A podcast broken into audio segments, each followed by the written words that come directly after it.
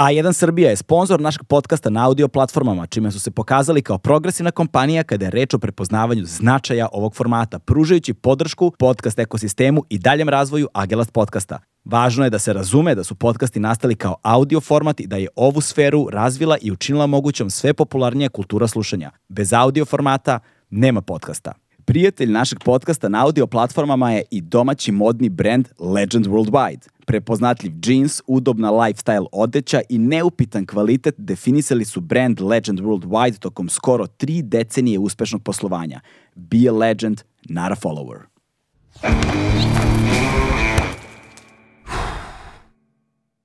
Hmm.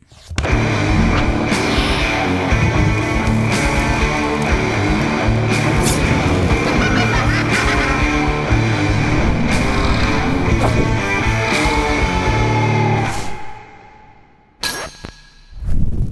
Dečko koji je tek počeo svoju karijeru, ali za koje je za kratko vreme postigao mnogo toga.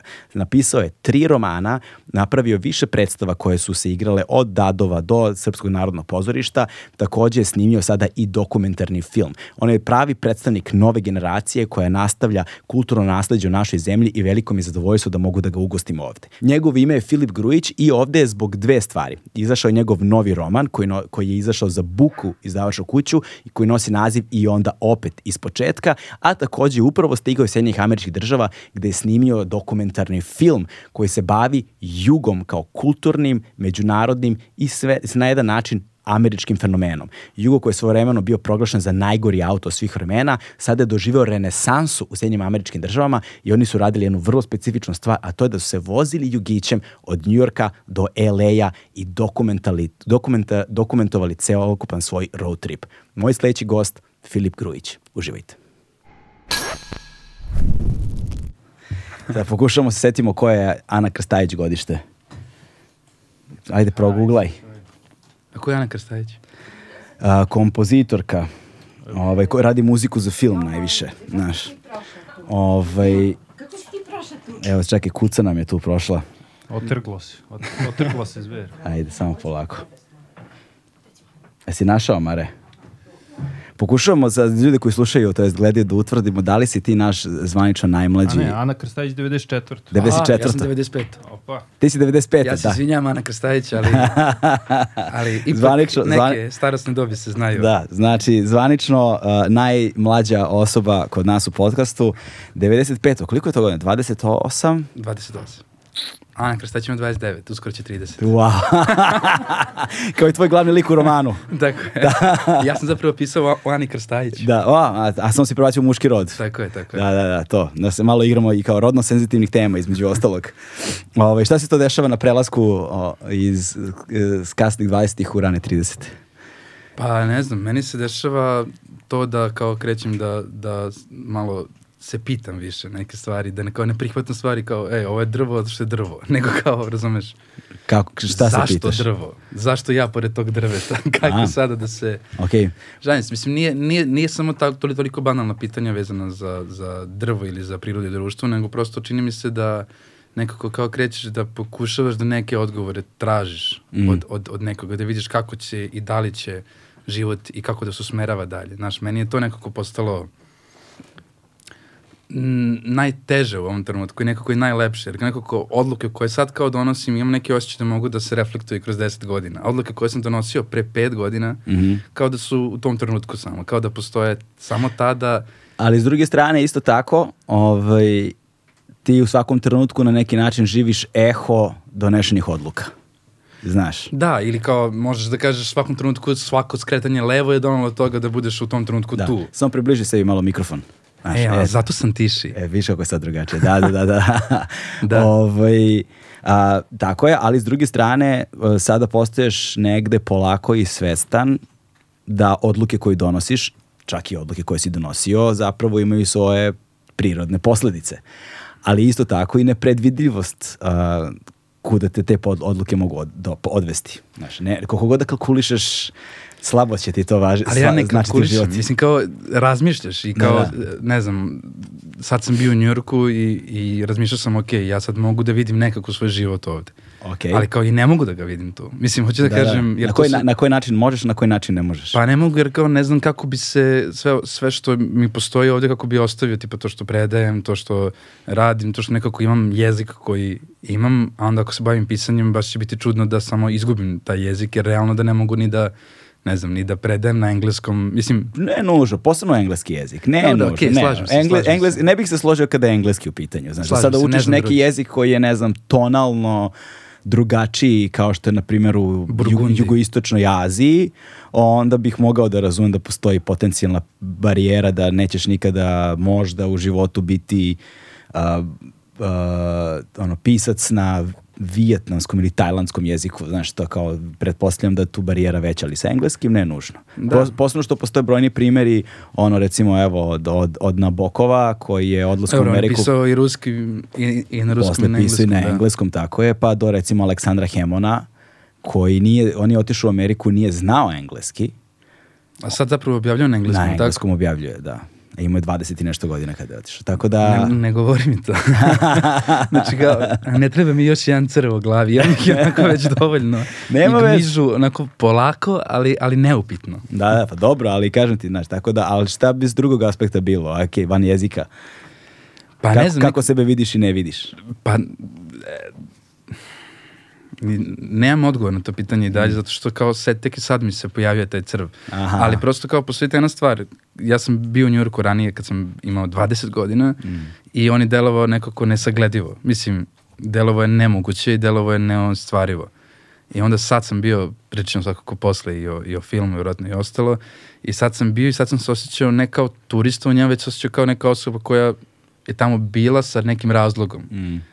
Ne, ne kao da me neko zvao, kao da me neko doziva i kao je Filipe Grujiću moraš dođeš u New York, nego kao bio sam i nisam bio turista koji samo gleda, već sam spavao do 10 ujutru, nisam razmišljao o tome što sam moram da obiđem, posle toga sam samo ležao u parkovima i gledao okolo, mislim nije da tako zamišljam svoj njurški život, onda bi stvarno da, da, da, da, mogao da da. ležim gde god na taj način, Da. malo ne, mislim, negde jeftinije, ali ovaj, ali sam se osjećao kao da prosto nije toliko daleko.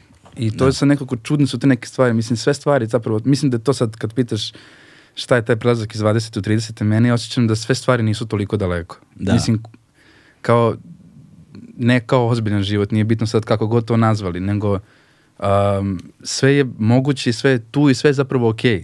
Šta Da. god da se sad dogodi, zapravo je trenutak da se dogodi. Ako se dogodi.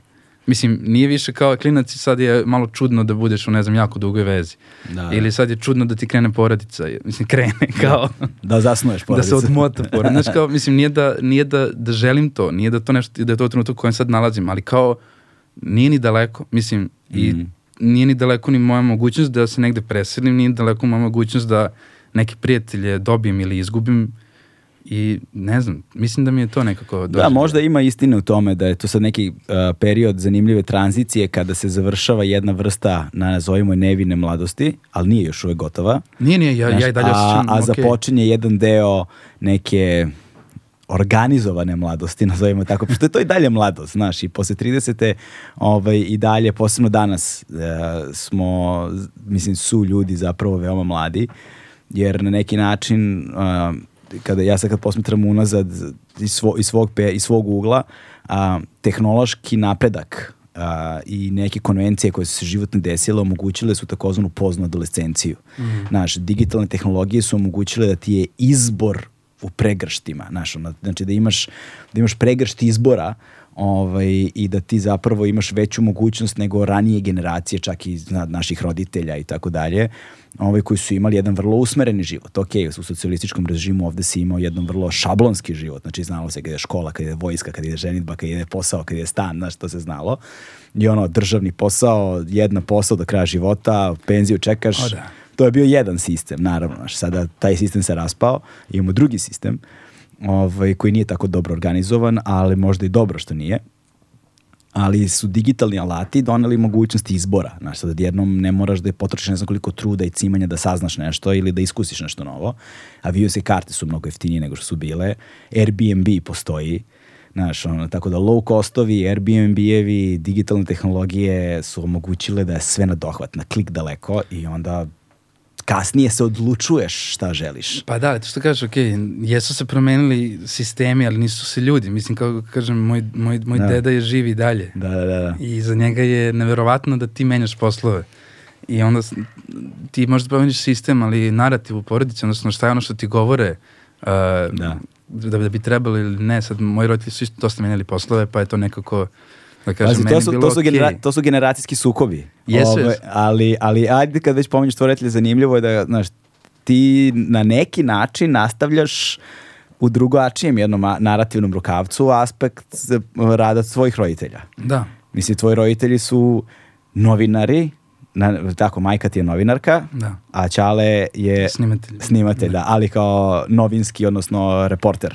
Tako je da, da, tokom 90-ih i to. Pa da, um, ja se na neki način definitivno nisam odvojio previše od svojih roditelja, koliko su oni od svojih. Mislim da je zapravo, da su oni napravili taj, taj skok, jer niko zapravo kod mene, uh, moj baba i deda sa Ćaletove strane nisu bili um, nikakve veze sa snimanjem, niti to. Um, deda je, je radio u Agro Vojvodini, mislim.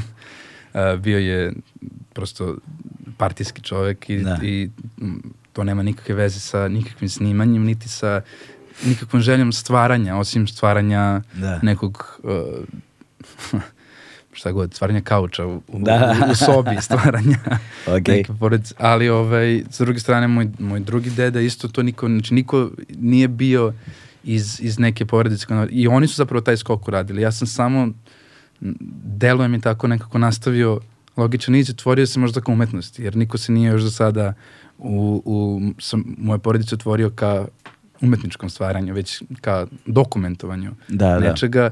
A sad čini mi se zašto sam ja krenuo taj skok, to je nešto što ne mogu da... Ja, ja mislim da je zbog zbog benda u tinejdžerskim danima kada ono... Nisi htio da mi kažeš kako se zove band. Pa, band se zvao uh, Fusion. Ok. Da, da. I sad to Ti je... si, ti si najmlađi učesnik na Exit festivalu. U istoriji Exita, ali tako? Za svih ovih 20 Jest. koliko godina Exita, ti si najmlađi... Znaš šta, ja sam već dugo mlad. ja... Polako Ja- prestaješ da budeš. Ne, pa mislim, rekao si da ne. Rekao Da. si da ulazim i dalje u prodaženu, u prodaženu Da. adolescenciju. Tako to da. Ja hoću da održim to i dalje. Hoću da budem možda najmlađi uh, član gerijatrijskog doma. Pa dobro. To bi isto recimo moglo. Tu je velika Šalim se, To neću konkurencija. da budem, to neću da budem, to je bio haos. To ne, stvarno šta lupetanje. Nema veze, Znači, polako, ne želim, se. Ne želim da budem to. Da. Ali da, svirali smo 2010. godine na Exitu, ne na Fusion Vini, nego na Vini Exit Music Live. Ja ne znam ni koja je to bina. Pa a, to je bina preko puta eksploziva. Ok. I ona je, prome, ona je menjala silne neke nazive. Um, ali znaš šta, znaš je, mislim, uh, meni je pisanje zapravo je krenulo od, nek, od nečeg jako čudnog. Sad, za zbog čega ti ovo kažem, jer mi smo, mi smo imali neku pesmu koja se zvala Put. I ona je bila prva uh, pesma koju smo ikada napravili, to sam napravio sa 14 godine. I moj zapravo prvi stih je bio izuzetno, ali izuzetno sramotan. I on je, on je išao, ja sam sam na ovome svetu, naravno kao i svi, tinejdžeri, ja sam sam na ovome svetu, svi me muče, traže dijetu. mislim, Okej, mislim da. da bi mi hrvatski tu bolje pasao, da sam sam na ovome svijetu, da Da, da, da, da, da, da, da, dobro, dobro, dobro. dobro. Ali, ovaj, ali tako je nekako počelo i ja ne znam uopšte odakle i ko je meni rekao da to ima smisla i kako mene to što se okolilo da nastavim dalje da, jer ja sam onda nastavio kao da pišem tekstove za band i to je bilo um, mislim dosta pretencijno u nekim trenucima, naravno. Brate, u tim godinama i treba da bude. Znaš, kad će da bude ako ne tada? Znaš, sve greške koje praviš, treba praviš tada i ono, zamasi treba da budu najširi, najveći mogući i promašaj i, i uspesi isto tako ekstremni. Znaš, to je, to je taj period. Slažem se, ali možda bi bilo bolje da su, ne znam, o mladilačkoj ludosti, a ne o tome kako se, ono, ložim na to što sam napisao status quo, u- u- kao reč status quo Da, da, u da. refrenu. I onda sam vikao, u, status quo. Pa dobro, znaš šta, ovaj, imaš svoj put, znaš, na neki način ob, ti ovde, bez obzira koliko go- god mi govorili sad o nekoj mladosti i koliko god mi govorili o prelazima, ti opet ovde imaš neke elemente koji su znaš, univerzalni u tom nekom umetničkom aspektu. Znaš, ti otvaraš sahranom, Da, da. Naš, smrt je jedna tema koja se ovde naš prožima i kao, naš, kao mlad čovek koji razmišlja i promišlja takve stvari, ovaj, bez obzira na to što se igra sa motivima s jedne strane mladosti sa jednim prelaznim periodom i sa naš načinom kako se kao generacijski obuhvataju stvari, pokušavajući da razume i upije sve toko sebe, dok je sam ono potpuno zbunjen u svemu tome, opet obrađuješ neke motive koji su vrlo ovaj, naš neminovni. Mhm. Pa da, smrt jeste neminovna, mislim, ali, ali ja, ja je obrađujem iz razloga što prosto se misli o njoj i priča se o njoj. Kao moji prijatelji su preplašeni smrti. Mislim da je to nešto što je nova, ono, Mm. nova doba hipohondrije koja je kao... Da.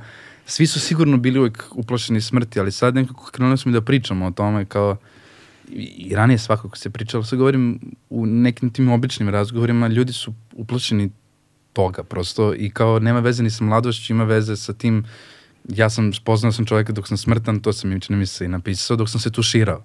Mm. I sećam se kao klinac sam nešto bio umazan od čokolade, bio sam um, umrljan od, od mekike koju je pored mene jedan Toma dotični tako halapljivo i divno jeo, dok sam ja poželao ja tako da jedem, jer ja sam uvijek jeo na, mislim, ja jedem halapljivo, ali on je jeo halapljivije. Da. Mnogo dečačkije jeo nego, Da, da. ne, nego ja, ja sam tako jeo, onda sam se tuširao od te proklite mekike i onda sam nekako se tuširajući shvatio da ću umreti, mislim. Da. I kao, zašto? Ka, kako vršti dečiji mozak poveže u tom trenutku da, ja sam valjda osjećao ekstazu povodom te mekike. Mm. Osjećao sam verovatno neku ono neobjašnjivu sreću što postojim baš tu na štrandu u tom trenutku. A I to onda- je što Mekika na štrandu bila. Da, da, mislim, naravno, svaka mekika na štrandu. Da, mislim da. da nikad nisam pojel mekiku van štranda. Da, da, da, okej, okej. Tako da mislim da me... Ima vremena. Jo, pa ne znam, sve manje, sve manje i manje čini mi se da ima mekika, ne znam jesi... Nema znam šta da ti kažem, ima ih. Znaš, ima ih i uštipaka i mekika i šta treba, svega ima, svega ima. Dobro, da, da, moguće. Pojavit će se ponovo kasnije To- u tom to životu. sam i znaš. hteo da kažem, to sam i hteo da kažem. trenutku ćeš početi sam da ih praviš, znaš, to, je, to su ti ciklusi životni. To sam ih htio da kažem da prosto da, nisam, nemam koga da nahranim još. Polako i, I to će nemam da nikog da mi traži mekiku. Da, dobro, dobro, dobro, dobro, lagano, ali uh, pazi, uh, ima ti nekih istina koje se pojavljuju nekako u životu, ono, puknu jednostavno pred tobom, ono, pola gutlja kafe, znaš, na pola koraka na ulici. Stvari koje su nekako sve prisutne i uvek su tu i ti ih kao neko opšte mesto, kao neki kliše, ne daj Bože, ono, znaš, znamo, kao, znaš, znaš da ćeš umreti, znaš da život ne traje večno, znaš da će se desi ovo ili ono, ali u jednom trenutku te istine, ta opšta mesta počinju da postaju stvarne. Znaš, ljudi, recimo sad u nekim ekstremnim slučajevima, ljudi ih na primete, znaš, kad se razboliš, znaš, onda nekako, kako kažu, ono, zdrav čovek ima, bla, bla, bla, jel te, na, ovaj, ali, znaš, kada se, ne daj Bože, ozbiljnije razboliš, kada se povrediš fizički, polomiš nešto ili neko, daj Bože, nešto se tog, tog tipa desi u mlađim, u mlađim danima, obično tako neke stvari budu razlozi. Sa godinama prosto dolazi i ta neka faza, znaš, vidiš promene na sebi, znaš, pro, vidiš promene na sebi ne samo fizički, nego vidiš promene u načinima na koje misliš, načinima na koji misle ljudi oko tebe, načinima na koji se svet oko tebe menja, znaš, odjednom počneš da primećaš, u, ovo nije izgledalo ovako, ovo izgledalo je pre deset godina ovako ili onako, i onda vidiš zapravo protok vremena, počneš da ga osjećaš. Pa to je ono i sa prostorima, ne znam da li, Da. kad kao uđeš u prostor djetinjstva, ti ga pamtiš kao jako veliki. Mislim, to ono kao, Mm. ne znam, bašta, najveća bašta na svetu. Sad, kako moja baba pre pričala, recimo, njenu baštu u, u Hercegovini, ja sam to zamišljao kao tu sad raste paradajz, pa raste avokado. Mislim, ne Da, da, avokado, da. ali nar, izvini, nar. Na, na. nar a, i kao raste nar, raste paradajz, pa tu je zakopano neko blago, neki pištolji su tu zakopani. Mislim, Da, da, kao, da, da, da, da. I onda dođem i ta, to je lepa bašta, ali to nije ta bašta koja je bašta njenog sećanja, niti je a, ne znam, soba u kojoj sam bio kao klinac, soba koju ja, ka- kako je prepričavam, nije onako kako ona izgleda. I Mm. to je nekako meni uvek kao prelepa ta stvar. Mislim što, što pamtiš sve nekako glomazno, pamtiš sve velelepno i onda dođeš i bude ti čudno u početku, verovatno što, što nije toliko veliki prostor koliko, si, koliko ga ti pamtiš, ali ne znam, to je to valjda ta lepa stvar sa falsifikovanim sećanjima, nekako te vode na lepe stvari. Pa, znaš šta, zar nije onda svako sećanje falsifikovano sećanje? Znaš, pravo je pitanje koje, u, znaš, kako kaže ovaj, a, kaže, kaže, kako je rekao drugar moj, rekao, kaže, od kad sam sebe uhvatio u laži, više nikome ne verujem. O, kao nikome, od kad sam sebe uhvatio u laži, više nikome ne verujem. Ovaj, ta, a, pitanje je, znaš, imamo sećanja i, u, i uvek se dovodi pitanje koliko su ta sećanja stvarna. Ovaj, kada bismo imali neki način, na neki način da zabeležimo svaki trenutak našeg života nekim ono, videorekorderom, nekim, nekim videom na neki način, nekako da ga dokumentujemo kao pravi dokument, kao ono faktografsku, jel te, istinu. Ovaj, I onda da ga uporedimo sa sećanjima koje imamo, videli bismo velike razlike. Ali čini mi se da to sećanje uh, ne čini ga manje stvarnim. Znaš, niti nje, emociju koja u vezi sa njime čini manje stvarnim. Znaš, I ono, sačinjeni smo na neki način od tih sećanja onoga što one nose sa nama. I mislim da je lepota umetnosti upravo u tome, znaš, što ti onda dočaravaš svetove koji nije bitno ove, što možda se ne podudaraju u potpunosti sa istinom. Možda ni ne treba uopšte da se podudaraju. Znaš, možda mogu da se, mogu da može odstupanje da bude vrlo malo, ali sasvim dovoljno da se kreira efekat. Znaš, i sad s tim efektom imaš nešto što možeš da napraviš, nešto što možeš da doneseš, nešto što možeš da doprineseš, znaš. A1 je prvi prijatelj audio izdanja Agelast podcasta. Pa da, meni to bilo i za pisanje, mislim, mm. prosto za pisanje ove knjige isto kao nije uh, faktografija života ili istinitost kako su se događaji događali hronološki mm. ili kako god, mi je stvarno nekako nebitna u odnosu na to uh, ka, uh, kako ja osjećam to da. sećanje, odnosno na koji način uh, sam ja doživao određene stvari, na koji način ja vidim određene stvari. Znači kao istinitost nekih stvari je zapravo za mene sasvim drugačije nego za nekog ko je istu stvar doživeo Da. iz, iz, iz drugog ugla. Ja se sećam se kada sam imao, uh, čak sam i, i, i pisao neku priču, to mi bio, uh, dakle, šetao sam ulicom sa nekom ženom koju nisam znao pretrano dobro, kao bila je mnogo lepa žena, ali kao samo smo šetali, ništa to nije pretrano, ovaj, nikakve šanse nije bilo moguće mm. da, se to, da se to nešto ostvari. Ali ja sam odjednom naravno pokušao da je zasmejem. I onda sam ispričao, vi, neko smo dete videli na semaforu, stali smo na semaforu i ja sam ispričao kako sam ja a, pre godinu dana u tom trenutku mlatarajući nogom, a, tako da sam se naslonio na semafor i hteo sam da se zasmejem i rekao sam kako sam ja šutnuo dete slučajno, ovaj, kad nisam ga vidio, toliko je bilo nisko i ja sam nešto mlatarao nogom i šutnuo dete. I ja sam to ispričao, ono sam nešto tu smejala, nešto smo budale sali o, o visinama, znači kretenski razgovor. Da. I ja sam, kako sam izgovorio tu rečenicu, ja apsolutno, ja dan danas ne znam. Da li sam ja to ikad uradio? Da. Da li sam ja ikad mlatarao nogom i, i, i šutnuo dete u dupe? Da, da, da. Da li sam ja to čuo da je neko uradio ili sam u tom trenutku izmislio, nisam znao šta drugo da kažem, jer sam bio toliko uplašen od, od, od majke razgovora koje smo vodili. Da, da, da. Znači, evo, ja dan danas, da me neko pita da li sam šutnuo dete u glavu ili u dupe, u tom trenutku ja ne znam. Da, da, postoji neka lepota i u tragedija u toj vrsti sećanja koja nas, koja nas, koja, koja, od kojih smo sačinjeni. Ovaj, sad ne mogu da se setim, evo, sad ne mogu da se setim gde sam to Slaži. čuo. Da, slaži, da. Ne, Ber, ne, Bernhard nikad nije tačno govorio svoje izvore u intervjuima. da, e, ovaj, koji Bernhard? Thomas Bernhard. A Thomas Bernhard, ok, e. Ovaj, sta je fora. A, slušao sam relativno skoro neki intervju. Um, sad sam zaboravio sa kime sam. E, dakle, da, slušao sam intervju sa nekim čovjekom koji je pisao stručne, ceo život je posvetio traumi. Ovaj, bavio se temama traume. I onda je u intervju rekao kao u kom trenutku sam počeo da se bavim temama traume. Uh, zato što uh, u periodu jednom um, da, tipa u sukobu nekom ratnom ovaj, gde je on odrastao um, je bila situacija kada su, ne znam, bombe padale dok su oni bili u skloništu i šta ti ja znam, onda je to triggeralo neku traumu na osnovu koje je počeo da piše, da ka, on kasnije ceo svoj život posvetio tome. Kada je napisao prvi put nešto na tu... Gabor Mate. Ne Gabor Mate, ne Gabor Mate.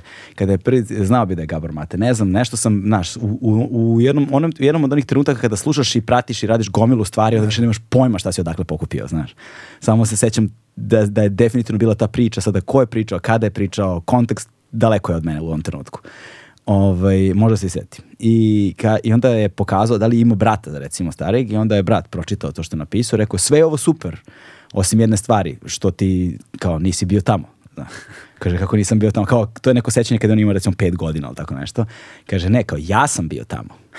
Pa sam pisao pisma kući, znaš, ali u sećanju deteta, čitanje tih pisama roditelja i tako dalje, je kreiralo jedan, jed- ne, neku core memoriju je neko, neko, neko, ono, neko ključno sećanje koje je uticalo dalje na formiranje identiteta, ličnosti i posvećivanje celog života nečemu. Ali to je, ali to, je- to sam čitao i za 9-11. Ljudi se pamte, uh, ljudi pamte 9-11, pogotovo deca, kao da su bili tu, imaju tačne slike. Da. Bio sam tu i tu. Mama je bila tada ono, na L3, uh, na L liniji. Da, da. I samo se ispostavi da sva njihova sećanja zapravo za 9-11 nemaju na nikakvo uporište u realnosti, osim što oni imaju apsolutno tačno sećanje. Mm. I totalno su bili na drugim lokacijama i samo nekako spojile su Da. se tako neke velike stvari su se spojile sa pričama njihove Da. svakodnevice. Sa, sada ću da a, pod pretnjom da budem užasno dosadan ovaj, ljudima koji nas redovno prate već godinama i da pomenem ponovo a, priču iz Kraljeva kada sam upoznao drugare koji su radili taj dokumentarni film koji se nosi naziv Personal Histories Mm.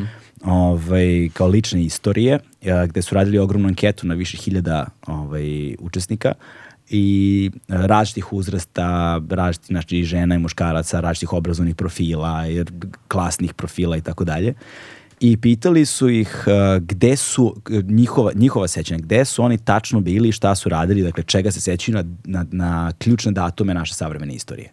Ono, od e, 9. marta 91. do ne, naš, 26. marta 99. 12. marta 2003. kada je ubijen Đinđić i tako dalje. Znaš, kao sad ono, različite datume, sad u zavisnosti naravno njihovog starosne dobi, gde su bili.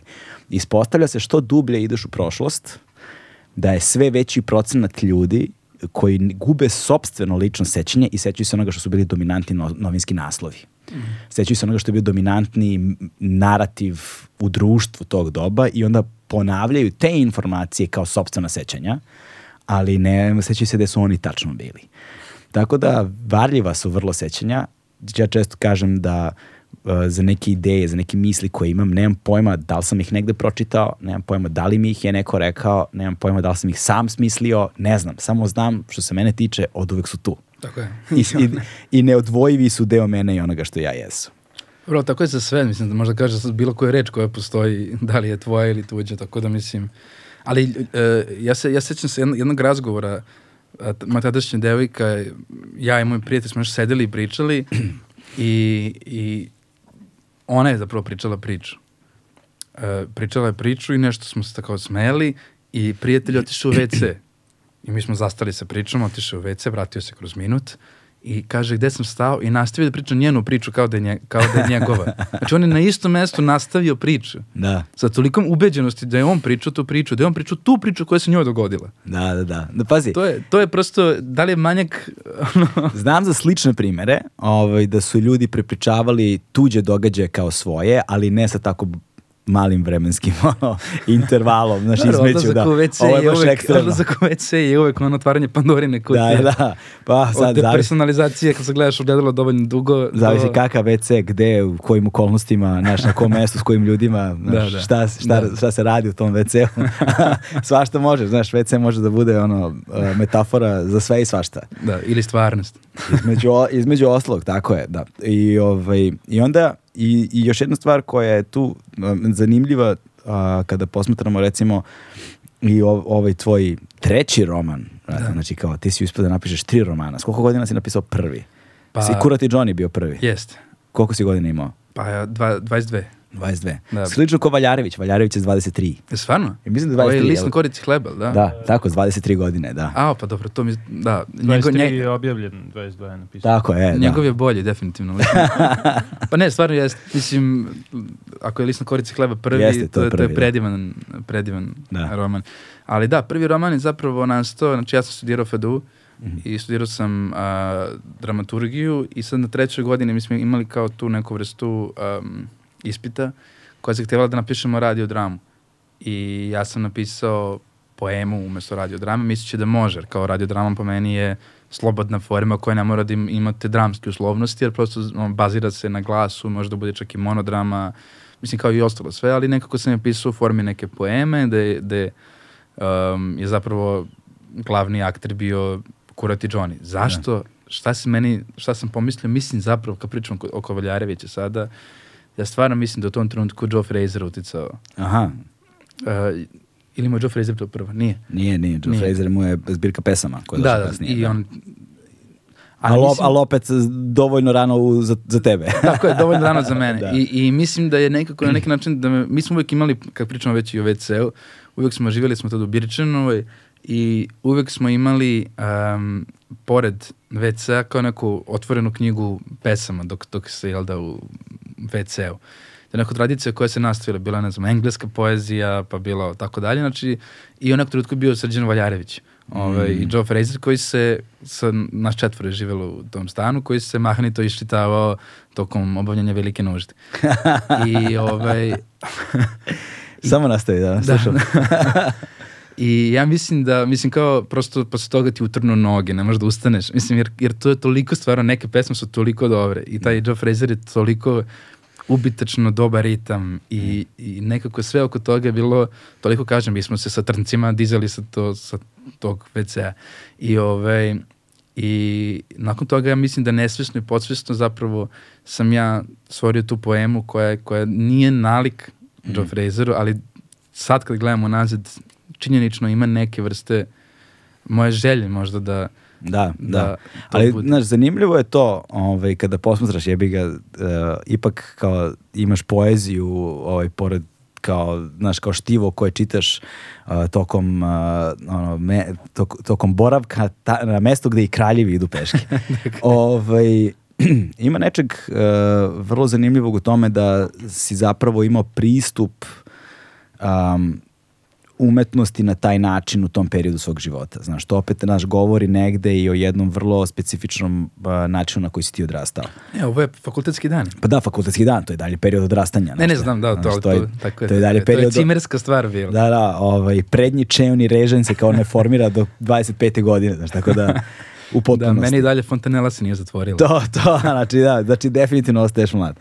ovaj, um, i, i, I zanimljivo je to što, dakle, znaš, imao si kao kurat, tebi sad ovo, ovo ti je treći roman, jel te? I onda opet iz početka, kao što smo razgovarali pre nego što smo počeli da snijamo.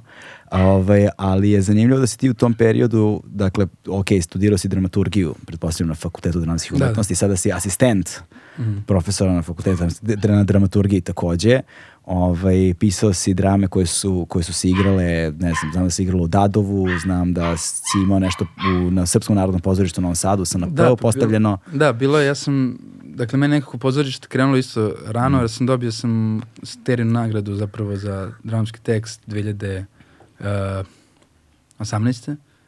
Ja mislim, ili 19, ne mogu, nešto ti godine, onda ta drama zapravo... Toliko ih je bilo, više ne možeš da se setiš. Ne, jedna je samo, ne znam koja godina. A, dobro, dobro, dobro. Znači, ima ona knjiga, sve moje velike godine. Da, da, da. No, ovaj, a, dobio sam i onda je zapravo ta drama a, ne pre 4.30 niti posle 5.00 je igrana u ateljevu, Hmm. a, pa je onda u SNP-u zapravo igrana um, Vilica Ebena Bajersa, koja je drugačije se zvala predstava. Tako da nekako da, prvo zapravo, pr- prvo je krenulo pozorište. Da, zapravo prvo krenuo Johnny. Johnny je 2017. izašao. Da. I onda nekako sam odmah sam na dva fronta, ne znajući uopšte da ću ikad pisati romane, nego sam mislio kao, ok, ja sad sam upisao dramaturgiju, to će biti scenarij i drame, ali romani su me nekako opustili, čini mi se, da, da, da ne moram toliko da nekako se povinujem formi, jer Mm. Scenario ima svoje neke uslovnosti. Drama manje, mnogo manje nego scenario, ali opet ima neka pravila koja pratiš. Dok roman, on ima naravno svoju strukturu, ali Na neki način. na neki da. način, ali zapravo ima mnogo više, Veću slobodu. veću slobodu i više u širinu. ali je, ali je u vezi sa time i veća odgovornost. A ne, uvek je bila zanimljiva tema kada imaš uh, mladog čoveka koji piše na taj način, uh, ali danas čini mi se, i to vrlo opravdano, više nego ranije. Jer, ok, kada govorimo o nekom, šta znam, 19. ili ranom 20. veku, znaš, da imaš uh, romanopisca koji ima, ne znam, 20 godina, nije bilo toliko neuobičajeno, s obzirom da je taj medijum kao takav u to vreme ovaj, uh, imao poziciju koju nema danas. A, I onda je u tom pogledu imalo smisla. Život je bio mnogo sporiji, život je bio mnogo drugačiji, životni vek je bio kraći, mogućnosti i izbori a, a, a, su bile, su bile značno, značajno suženije nego što, nego što je to danas, ali u današnjem svetu sa imperativom brzine kakav postoji, znaš, sa mogućnostima koje ono tehnologija do društvenih uh, uređenja koje, koje nam pružaju, uh, naš mladi ljudi se formiraju, prosto psihološka konstitucija njihova je takva, formiraju se ovaj, sa sa, sa, sa elementima, ne znam, skraćene pažnje na nekom nivou, ne nužno, ali na nekom nivou, ali i okrenuti prema drugačijim prioritetima u životu. I, ovaj, onda, I onda imati nekoga i dalje imati ljude na ovom podnemlju u ovakvim okolnostima koji je glas svojevrsne generacije, što je mene strašno raduje, znaš, kad vidim zapravo da postoje te stvari ovaj, i koji ima zapravo strpljenja da sedne i da piše roman, a, je fascinantna stvar. Znaš, sad zanima me u, u tom pogledu kao kako izgledao proces uh, rada na romanu, kao koliko si, koliko si ga dugo pisao, koliko je dugo nastajao, uh, koliko je verzija imao, Jer kao ka, sa Karakašem kada sam razmišljao, kada sam pričao, on, on je imao, on je rekao, kaže, kakvi su pisci danas nemaju vremena da pročitaju ni svoje, a ne tuđe. Znaš, da. tako da zanima me kako je tvoj proces izgledao. Pa, E, moj izvini, proces... samo, ovaj, ajde akvarijum. A evo sad ću.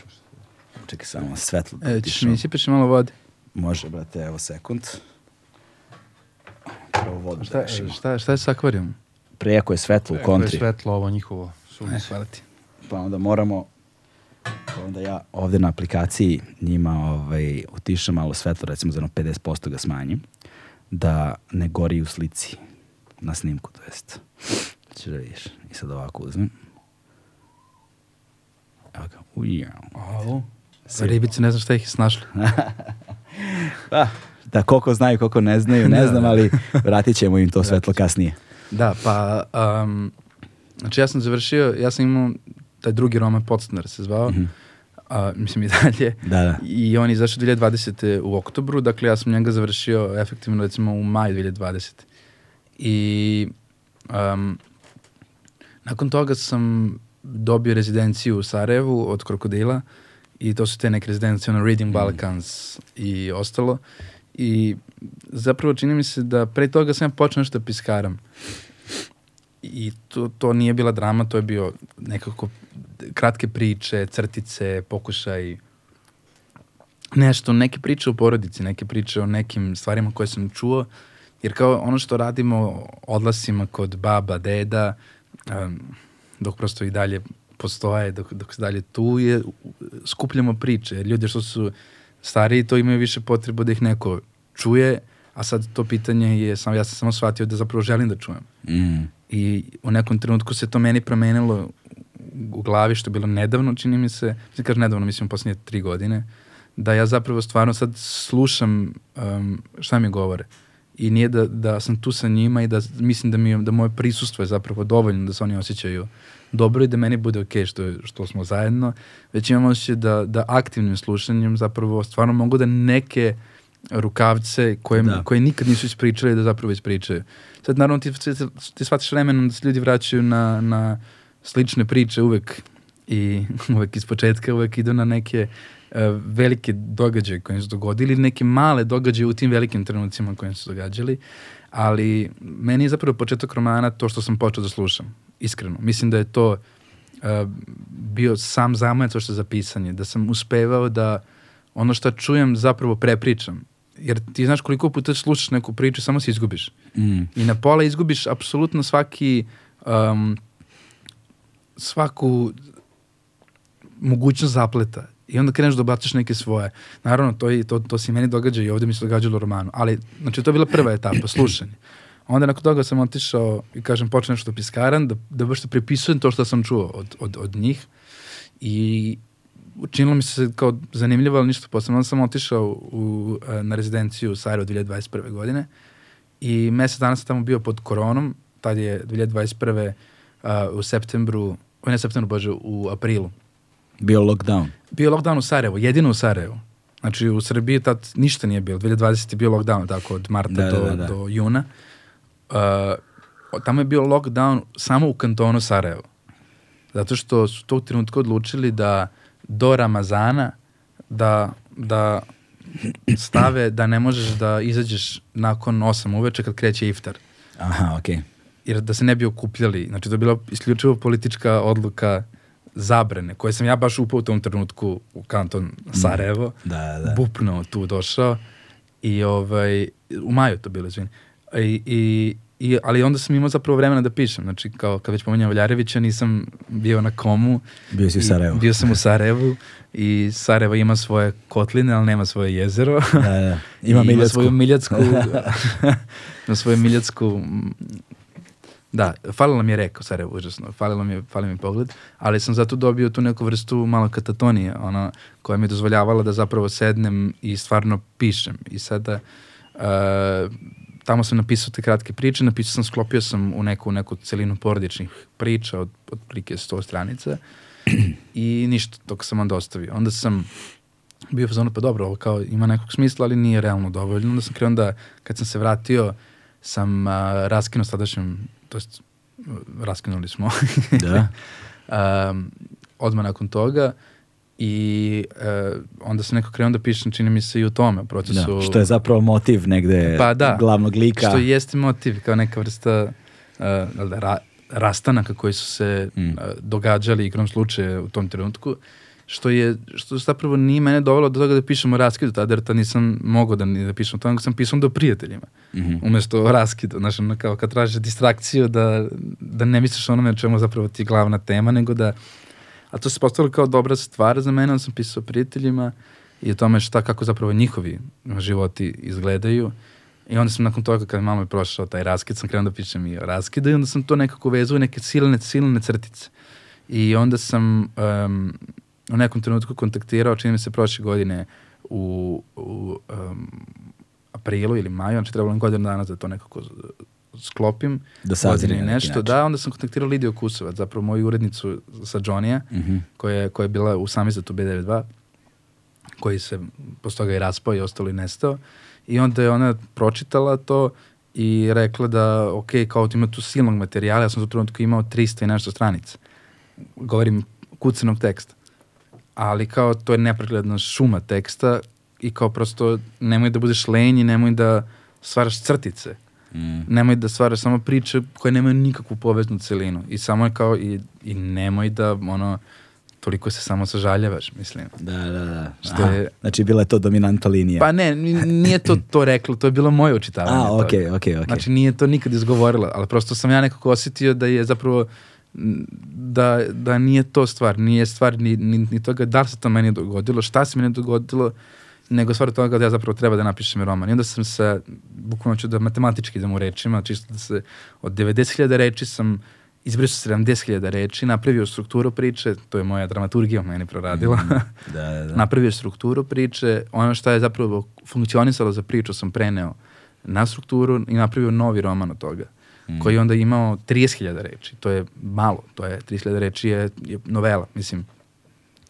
I onda sam dodavao, dodavao i dodavao i opet sam došao do 90.000 ili 70, 80.000 Da, pa. reči. Tako da zapravo jako mnogo verzija ovo prošlo. I ono što, što se zove zi- Sitzfleisch, jel da? Odnosno, na nemačkom mislim da je to ono, meso za sedenje. Znači, mislim, stvarno sam imao dupe ovde.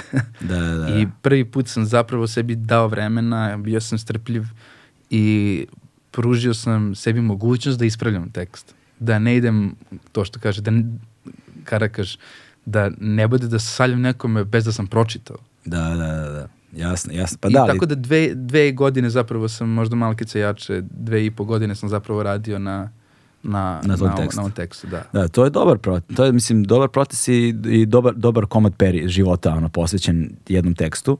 Uh, ono, što, ono što je neka, negde kao od, sa ljudima sa kojima sam razgovarao, ono što sam primetio jeste da ta, rezi, ta rezidentura ti je zapravo dosta pomogla. Mm. Uh, zato što je strahovito važno za ljude da imaju taj inicijalni Tako je, zamajac. Zamajac, da. Od trenutka u kom znaš, kaže, ja sam sad krenuo. Počeo Ovo je sam, moj tako put. je, tako je, da. I onda, znaš, tih prvih mjesec dana da stvoriš nekakav kostur, Mm. da stvoriš nešto i onda, ok, možemo da napravimo ono milion iteracija toga, znaš, nije mi toliko teško da ispravljam, prepravljam, ono, se bavim tim stvarima koliko je teško zapravo kad sedneš ispred belog komada, on ispred praznog ekrana i kao je sad napiši. Ali znaš, zapravo, prva ruka. zapravo ne. Mislim, Ne, a? e, početci su jako uzbudljivi. Mhm. Meni su makar. Znači, nije meni teško da počnem. Da, da. Ja mogu da pišem tako, da piskaram. I, mislim, ja nisam skribaman, nije da, da, da, da to radim. Ovaj, kao da piskaram u, bez, ali početci su zanimljivi, užasno. Ali početci zapravo kod mene makar su uh, nepregledni i loši. Znači, ja, ja, ja počnem sto puta. Aha, okej. I onda krene, krene, krene i zapravo sredine su one koje, na kojima se lomi stvar. Aha, dakle, kada pređeš određeni... Kada pređeš 40 stranica, šta sada? A, okej. Tu je zapravo trenutak u kom ti vidiš, ok, sad ovaj roman kao ovaj je sto, razumeš, može da ide ovako, može da ide ovako, pa da, se, pa da dođe opet tu. Jasno, da. I, I zapravo ja mislim, ti, ma- makar ja u glavi, ja znam šta mi je početak i znam šta mi je kraj. Sredina je zapravo pisanje. Mm. I sredina je ono gde nije uzbuđenje povodom pisanja. Nego sredina je ono gde prosto se, ono, Radiš. gušiš se i kao sečeš ovde, sečeš ovde i sad meni se događa stalno kad nešto pišem, pa čak i najkraće tekstove, to je da se posle kraja vratim na početak i da početak zapravo bude najlošiji. Mm, mm. A ja mislim da je najbolji. Ja sam ubeđen U da... trenutku s- kada počinješ. Tako je. Da, da. I meni je i Bevc za ovaj roman rekao uh, početak ti jako loš. Ok, da kažemo Bevc, pošto je roman izašao u izdanju Buke.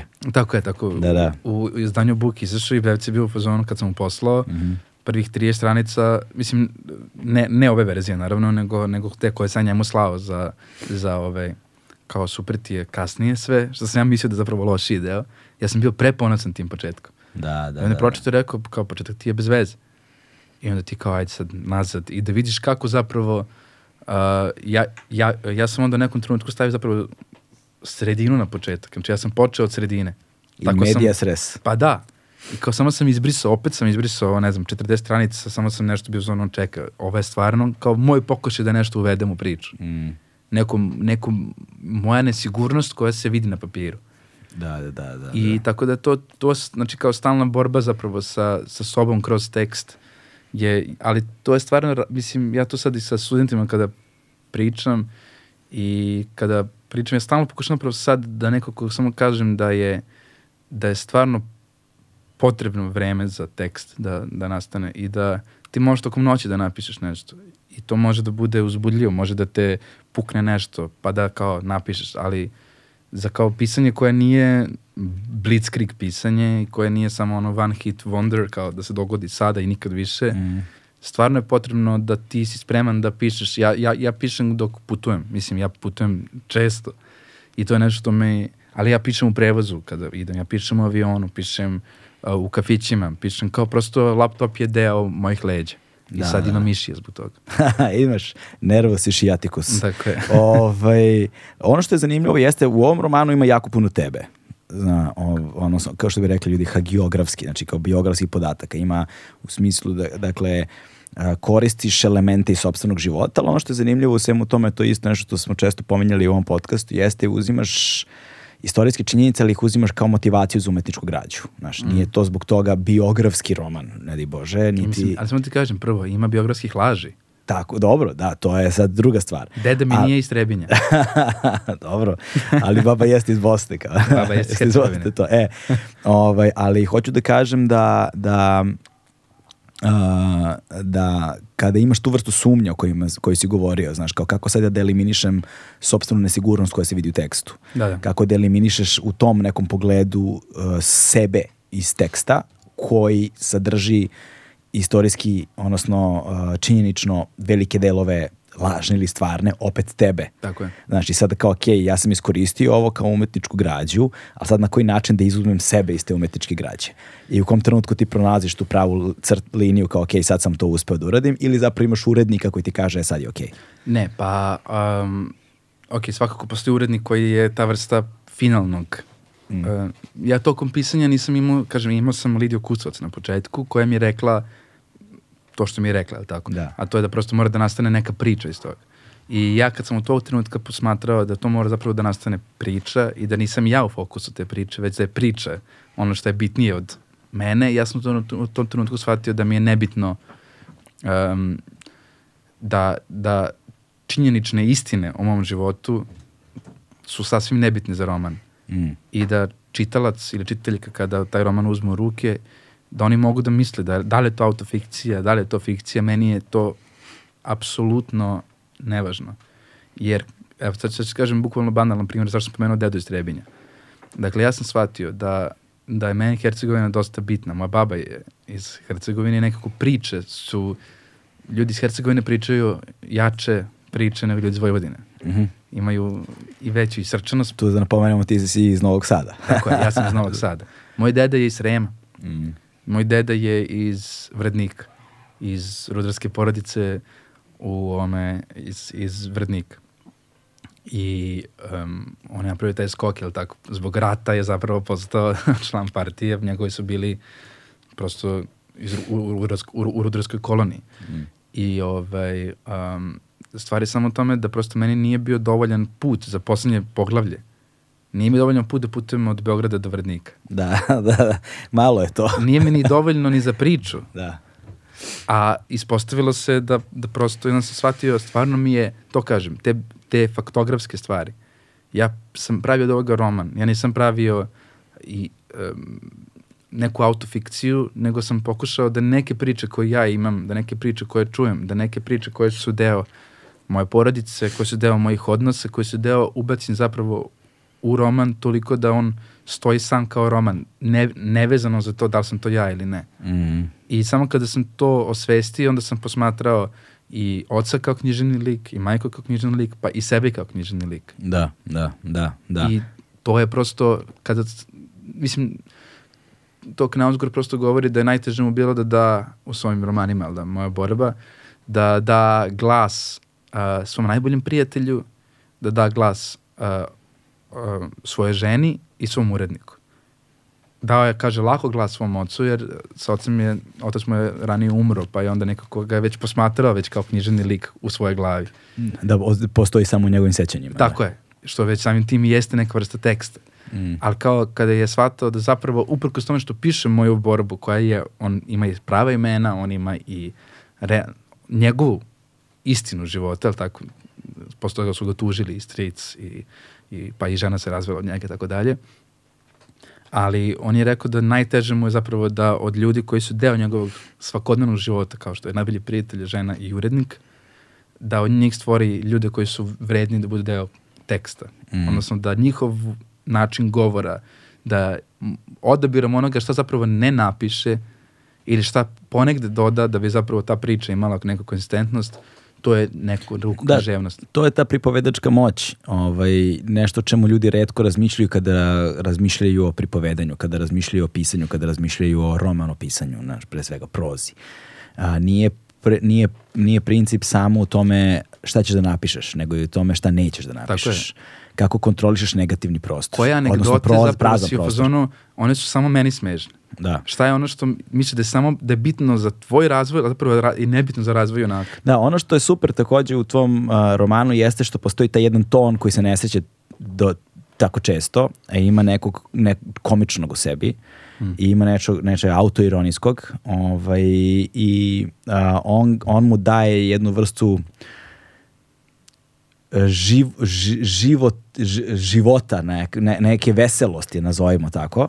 Ovaj, I time beži ono što je tendencija mnogih generacijskih pisaca tog tipa da odlazi u neku vrstu ili teskobnosti ili u neke roman stanja ili nešto što se sad ono, u savremeno doba jako često sreće. A, mali broj ljudi se odvažuje na to da napiše nešto što je, ži, što, što je živo pisano na takav način ovaj, i da ima tu jednu vrstu da ima tu jednu, jednu, jednu vrstu žovijalnosti što bi rekli, što bismo rekli sam pokušao da izbjegnem to reč, ali ne mogu setim neki bolje Meni te reč zvuči odlično. Da, e. ja, ja se nikad ne bi setio. da, e, ovaj um, i, i, i, i to, je, to, je, to, mi je jedna, to, to, mi je, to mi je baš onako snažan utisak, posebno zbog toga što se strašno radujem nečemu što ovaj, bih uslovno nazvao generacijskim uh, gener, generacijskim delom. na, Jer uh, to je nešto što strahovito nedostaje našem kulturnom prostoru. Ovaj, na primjer, kada sam razgovarao sa Jasminkom Petrović, ovaj, koja je napisala jel, te knjigu i kada je napravljen film za mlade, znaš, mi kao za posljednjih 20 godina imamo snimljenih pet filmova za mlade. Da. Znači, kao, kako očekuješ da ti mladi stasaju u, u, neke zrele građane ove, ovog društva kada ti njima na kulturnom planu ne nudiš nikakav sadržaj. Ovaj, I u svakoj fazi, na, barem znam sa svom generacijom, naš, u svakoj fazi našeg odrastanja mi smo imali te neke generacijske likove kojima smo se prema kojima smo se orijentisali, koji su nam bili negde ono tačke kulturnog identiteta u određenoj fazi životnog razvoja. I naravno kako živiš i odrastaš, ti menjaš to i, znaš, ovaj, a, i me, menjaš ih i u svakoj životnoj fazi imaš nešto što ti, što ti je zapravo negde o, ono referentna tačka onaš, u odnosu na koju se orijentišeš. Da li je to u muzici, da li je to u filmu, da li je to u književnosti, da li je to nije bitno u čemu, ali, kao, ali su to sve neke stvari koje su ti važne. I kao pričali smo ono pre neki dan, kao ti sad u ovoj fazi života imaš određene stvari koje su ti važne. Način na koji ti je muzika važna, nije isti način na koji ti je bila važna kad si imao 15 godina i nije isti način na koji će ti biti važna kad budeš imao ono 45 godina. Da. Znaš, to se menja, ali će biti važna. I u svakoj od tih faza moraš da imaš, imaš neke predstavnike ono, tvog znaš, tvog nekog skupa vrednosti u tom trenutku, ali nekoga ko deli tvoj pogled na svet, deli tvoje prioritete, deli tvoje probleme, znaš, kao što je, ne znam, ne, u određenoj vrsti generacije nam je Train Spotting film svima bio strašno važan, znaš, nije mi sigurno bio, nisam mogao da ga razumem u određenom periodu, ali sigurno mi danas ne bi značio to šta mi je značio baš u jednom određenom tački u vremenu. U trenutku kada je izašao... U trenutku kada se pojavio, generacijski je komunicirao.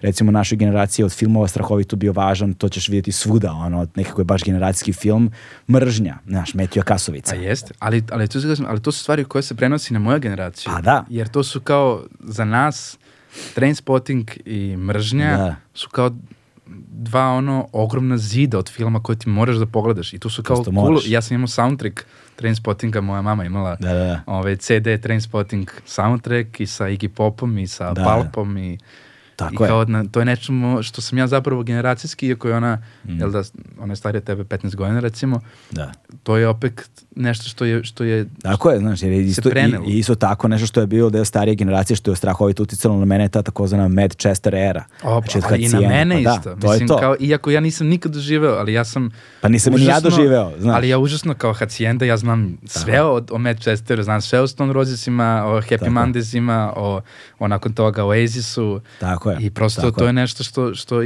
što je definisalo i način na koji ja posmatram, Mm. iako kažem, jer je bilo ti godina kad sam se ja rodio. Da. E, i s druge strane, a ono što nama o, na našem podneblju nedostaje, jeste da imamo tu vrstu uh, dela, bez obzira na koju, nije bez obzira o kojoj umetnosti govorimo, u muzici smo tu negde najsigurniji, čini mi se muzika nam je postala dosta plodnija nego što je bila. Imali smo jednu fazu nekih deseta godina kad se ništa posebno nije dešavalo, da kažemo.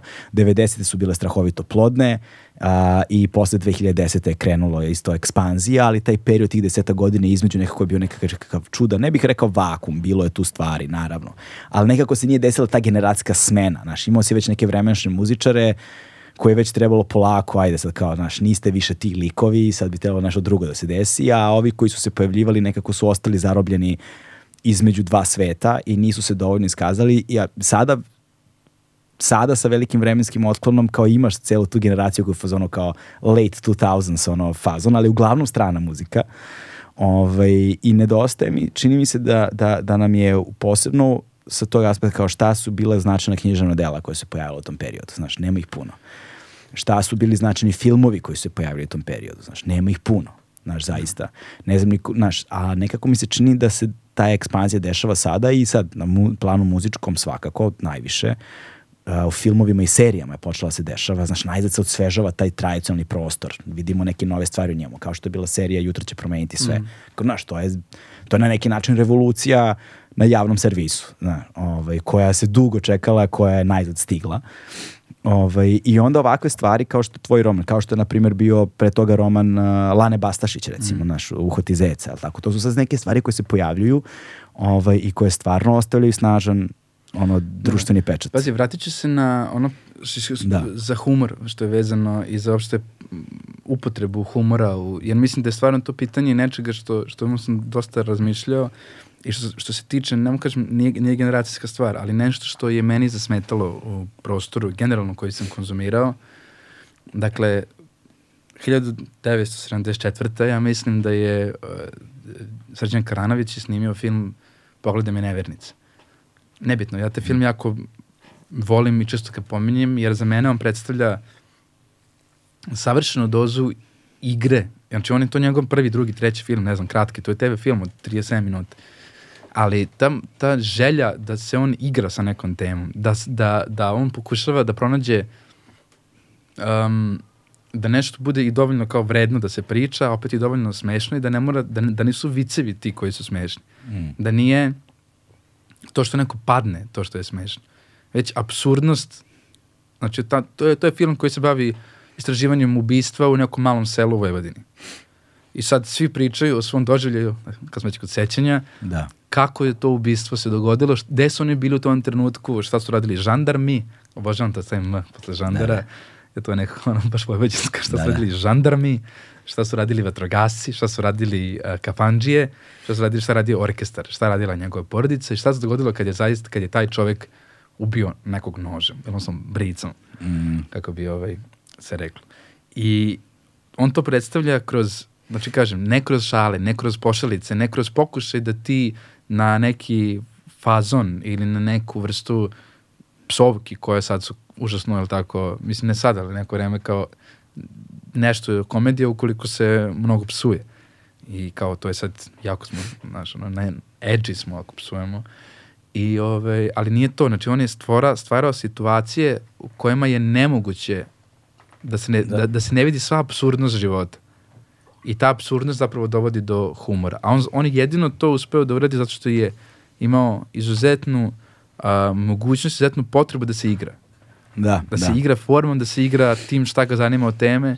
I to je ono što je nekako, čini mi se, stvarno nestalo. Mi kad smo krenuli da, da pravimo, kažem mi, znači stvari koje sam konzumirao, ti imaš tu neku jasnu podelu između onoga što je kao ozbiljno i onoga što je neozbiljno.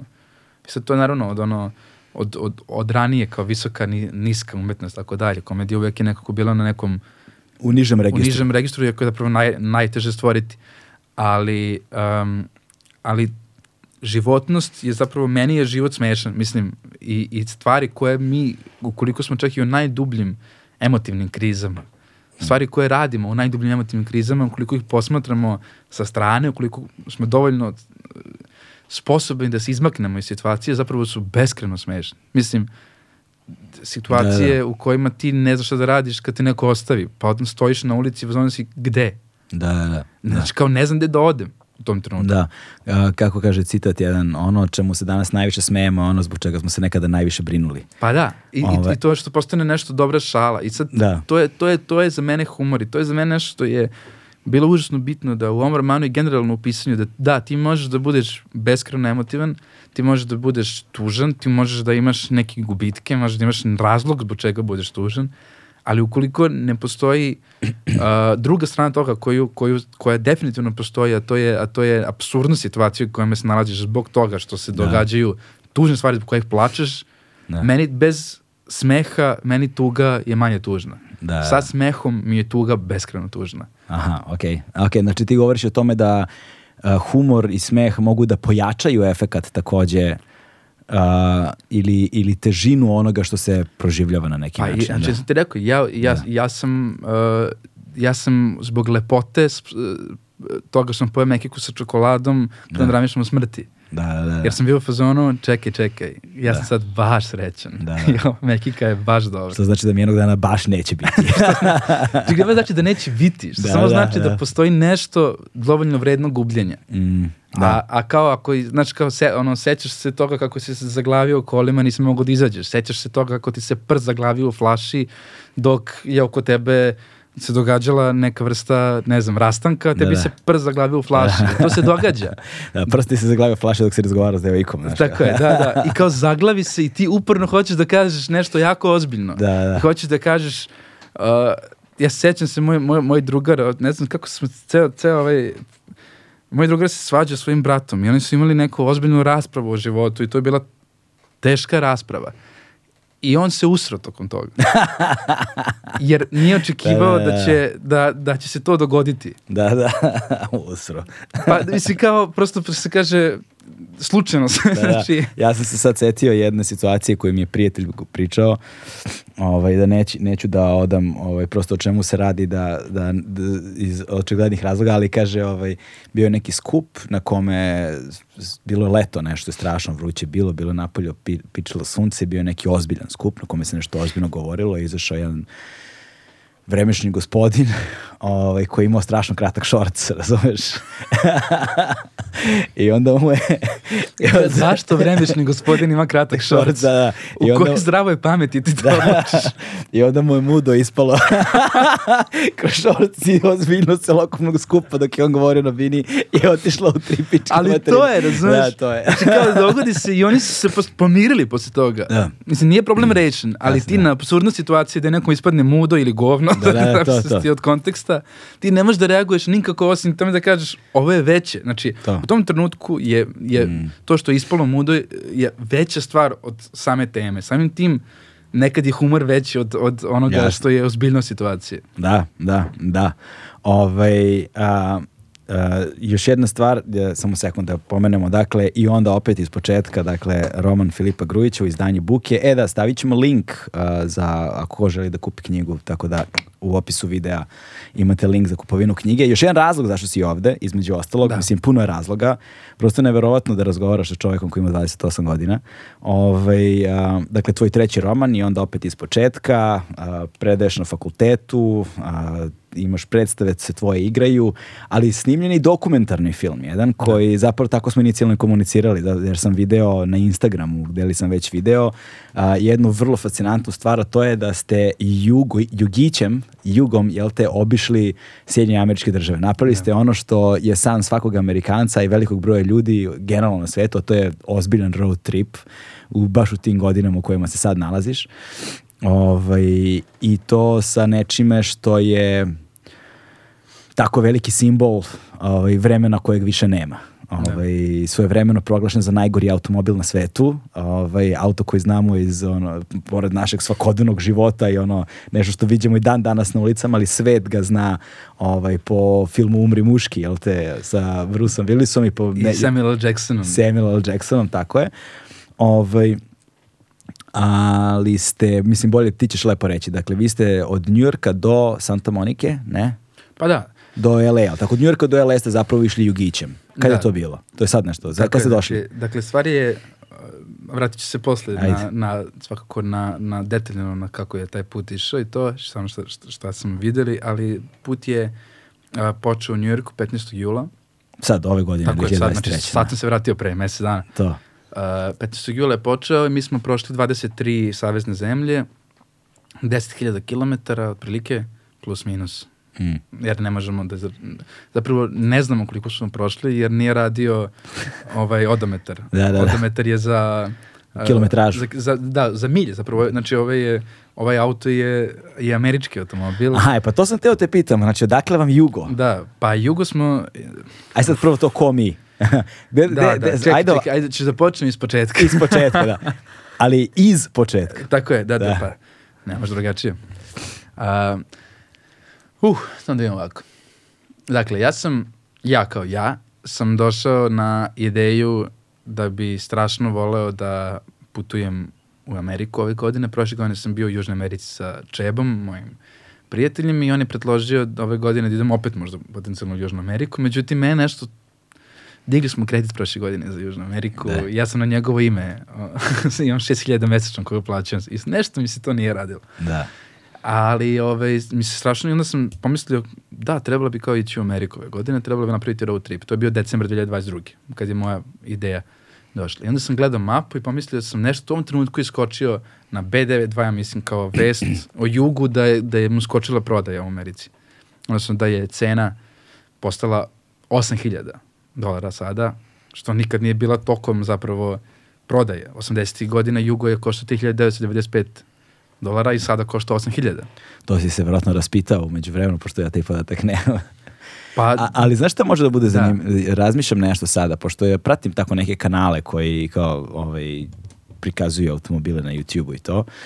Ovaj, a, čini mi se da postoji ta neka klauzula u Sjedinjim američkim državama kada prođe određeni broj godina automobil zvanično postaje Tako je. neki all-timer, all-timer. All-timer, da. da. I onda automatski dobija na vrednosti XY. E, da, samo što Jugo je all-timer kojeg više nema. I to je ono što je, što je užasno zanimljivo, što se može na prste izbrojati koliko je zapravo američkih Jugova ostalo u Americi. Da, da, znači, da, da. Zna, zna se, 62 kabrija su ostalo u Americi. Od toga, mislim, 30.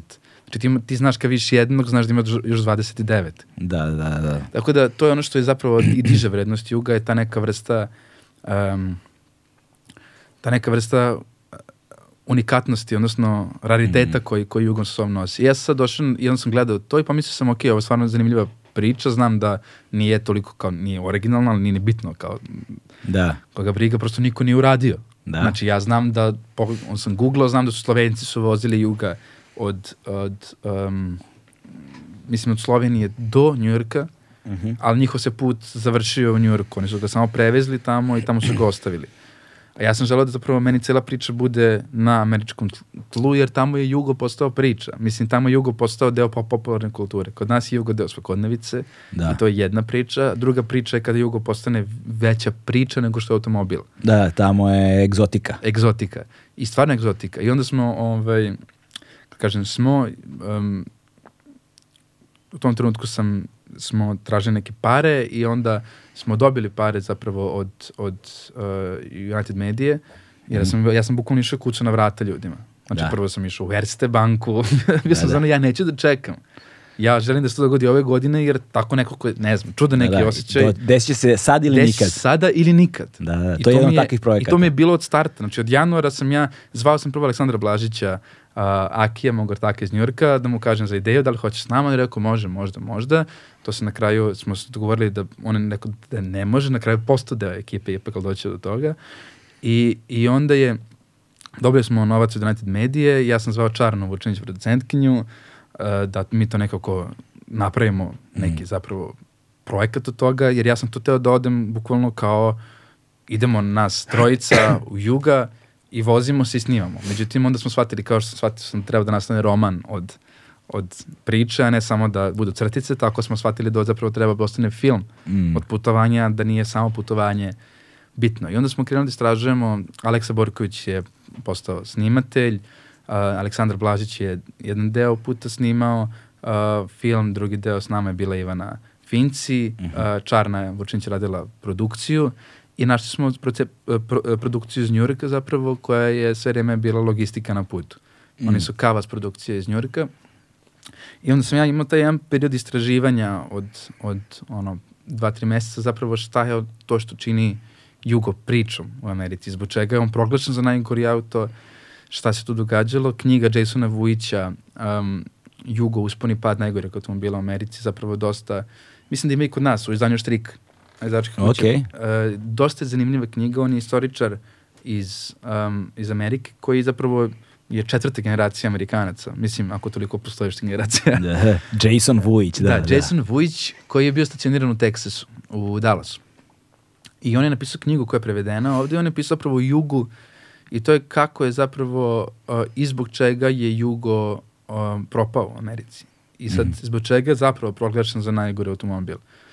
I um, on je objašnjavao u svojoj knjizi da to nije zbog toga što je Jugo bio najgori automobil, iako svakako nije najbolji, već zbog toga što je ga je takva priča pratila, zbog toga što zapravo nije se prilagođavao na tržište dovoljnom brzinom koliko su se prilagođavali recimo Koreanci i Japanci koji su Da. bili zapravo konkurencija. Drugi proizvođači, da. Da, jer Jugo je imao jednu ovde vrlo komunističku tradiciju, to je da ne pravi, nema tržište koje je, jel tako, utiče na to da je potrebno da imaš svake godine novi model, Mm.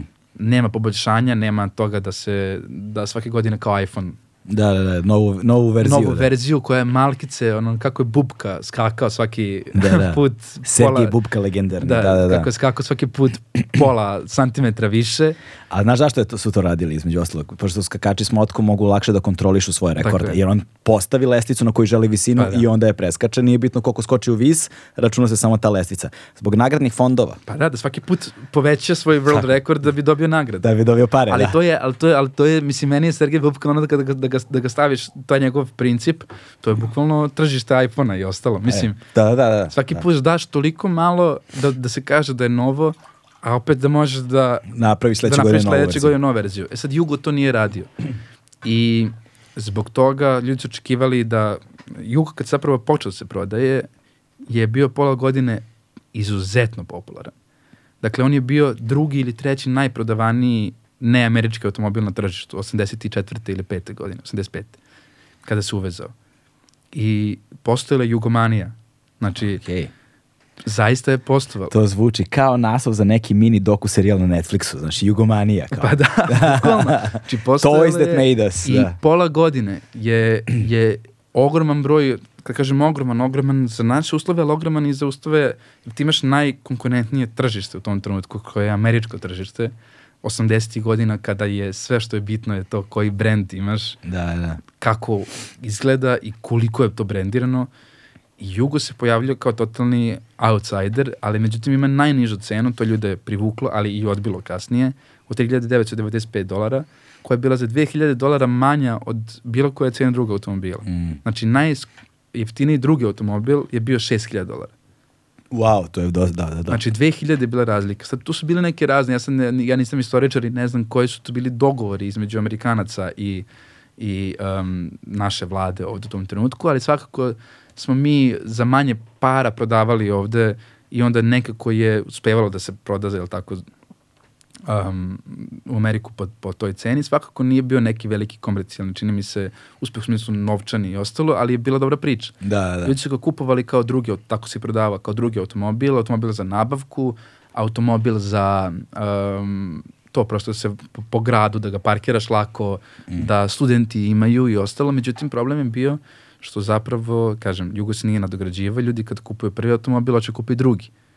I samim tim Jugo nije imao ništa da ponudi posle toga. E sad, prvih tih pola godine je postojala ogromna, tako kažem, Jugomanija, zbog cene i um, prosto ljudi iz, iz siromašnijih grupa u Americi su ga kupovali. Da. I onda se dogodio članak u Consumer Re, Reportsu posle pola godine koji je rekao Jugo je okej, ali Jugo je prosto, ne, ne radi mu dobro kočenje, ne znam, nema air conditioning i ostalo i, to, i, i ljudi su verovali tom reporcu i onda je krenuo da, zbog toga da se pravi i šale na račun Juga, komičari su ga preuzeli i on je odjednom postao, što što kažem, veća priča nego automobila, to je da mnogo ljudi zapravo krenulo da ismeva Juga zbog svog izgleda, on je najmanji automobil na putu u tom trenutku gde su svi oni mekovi kamioni, gde su putevi široki, Da, gde su zgrade velike, ti imaš jedan mali automobil koji zahteva vreme, u smislu, on ti se kvari neprestano. Znači, pola, pola godine trajala Jugomanija, jer pola godine Jugo traje dok se ne pokvari. Da, da, da, da, da. I samo što kod nas ljudi vole da, da čačkaju svoje automobile, da popravljaju, da o, prosto u Americi kad nešto kupiš očekuješ da, da radi. Mhm. Tako da to je Ba, nekako, barem u 80. godina. barem 80. godina, Da, tako da, je. da. I to je nekako dovelo do toga da, i on- i onda Jugo postao sprdnja, postao, postao je, e, krenuli su da ga dele šakom i kapom, pravili su, kao on je bio kao drugi automobil, u smislu, znači bile su akcije, kupite Cadillac, mislim da je Cadillac, za 19.000 dolara dobijate Jugo za džabe. Da, da, da. Kao ne mogu da se ratosiljaju. Da, da, postoje ko privezak. Onako, Postaje da, da. bukvalno privezak uz automobil. Da, da, da. I onda su postale kretete šale kao koja je razlika, uh, ne znam, ka, uh, kako zoveš jugo na vrhu brda? Čudo. da, da, da, da, da, da, da, da. Kako da jugo krene od 0 do 100 za 16 sekundi, tako što ga gurneš niz liticu. Da, da, da, da. A, ne znam, koja je zajednička spojenica između juga i kade? Ne želiš da te vide u, u, u javnosti ni jednom i drugom da izlaziš iz njega. Da, da, da, Znaš, da, prosto da, da, tako, da. on je postao i tada su ga sprdali. Ali ono što je zanimljivo danas što smo mi otkrili na ovom putovanju, to je da a, kad se ljudi izuzetno sećaju, da to kažem, sa nekom setom, jer on je sad postao toliko obrnuo igricu. da, da, da. On je kroz pop kulturu zapravo njegova najveća vrednost je to što je bio šala. Da, I to i- što je najgori automobil. I to što je time postao simbol jednog vremena. Simbol vremena, simbol neke jednostavnosti, jer ti na jugu, ako, ako ti otpadne kvaka, ti Da. je vratiš. da, da, da. Znači, da. Miro Kefort, čovjek koji je uvezao automobil 84. na sajam u LA prvi, on je stao na krov da ga reklamira. On Mm. je uvezao crveni, plavi i beli na sajam. Imao je e, mesto na sajmu pored Mercedesa. On je stao na krov da bi kao rekao evo ga Jugo, novi automobil, novi automobil. Stao na krov i ulubio krov. I onda je ušao unutra, u auto i rukama digo krov. Da, da, da, da, da, da. I njegova glavna reklama u tom trenutku je bila da li ovo možete na Mercedesu. Pa istina, brate, Jer ništa nije kao- lagao. Znaš, ako možeš da rukama, kaže, ču, ču, ču, čulo se blob Da, da, i da. kaže, krov, se- krov se vratio. Da, da, da, da, da. Znači, meni je tokom vožnje mi otpadala ova za, Ručka za prozore. za prozore. Ja krenem levo, ručka otpadne. Da, Ja uzmem ručku samo ako vratim nazad. i radi. Znači, dogodilo mi se to da uh, upalim, znači, kazaljka za gorivo Da, stoji na pola. Ja, u, to- kad je ugašeno svetlo. da, da. Ja upalim svetlo, kazaljka za gorivo je puna. I onda sam bili u fazonu. Da. Znači, ostane vam bez goriva, samo upali svetlo. To, to, to, to. I magično si ga napunio. Magično si, znači kao, šta je to? Da, da. Nama je krenuo, nama je ovaj za spidometar, Aha. nam je riknuo, ni, samo je krenuo da urla na nas u nekom trenutku, usred ne dođe u Ohaju, Da. znači ne radi i mi smo ga samo isključili. Znači, Što? tek, znači tek ste krenuli ono, iz Njur, posle Njurka ide Ohio, to je prvi, pa to ne, je prvi state. ide još, ide, išlo je da, ali kao na početkom putu, samo ga isključiš. Mm. Kao ne, ne radi ti, šta će ti? Da, a sad, gde ste našli Juga? A, da, da. Juga smo našli u Pensilvaniji. Znači, imali smo problem sa uvozom našeg juga, jer, je, jer ti da bi uvezao stvari u Ameriku, za razliku od obrnutog Da. procesa, a, ti moraš da imaš određene EPA papire. EPA papiri su papiri koji ti omogućuju da je Jugo prošao, odnosno bilo koji automobil da je prošao emisije, te standarde, A, da, da, prođe da, da, carinu, da, da, da. prođe to što je sa Jugom dosta ume da bude nezgodno. jer Mogu kao da mislim. ne znaš šta dobijaš i koliko god ga ti sredi, on prođe tehnički kod nas, ali da li će proći EPA papire ili ne, ozbiljno je pitanje. Međutim, Jugo što kaže jeste oldtimer i on samim tim bi trebalo da ima drugačiju vrstu kontrole u odnosu na sadašnji automobil. Sa tradicijom dugom skoro tri decenije, Legend Worldwide je prepoznatljiv domaći brend sa akcentom na jeans, pre svega, koji odlikuju bezvremenski, klasični modeli. Međutim, ono što smo mi saznali 7. jula, a trebalo je putem 15. mi smo imali Juga ovde. Znači, mi smo kupili Juga u Kragovcu za 500 evra od dečka koji je kupio za 490 evra pre toga i prodao ga nama za 500 koji, koji koristio da ide na selo iz Kragujevca da prosto da mu bude za 12 km napred nazad. Da.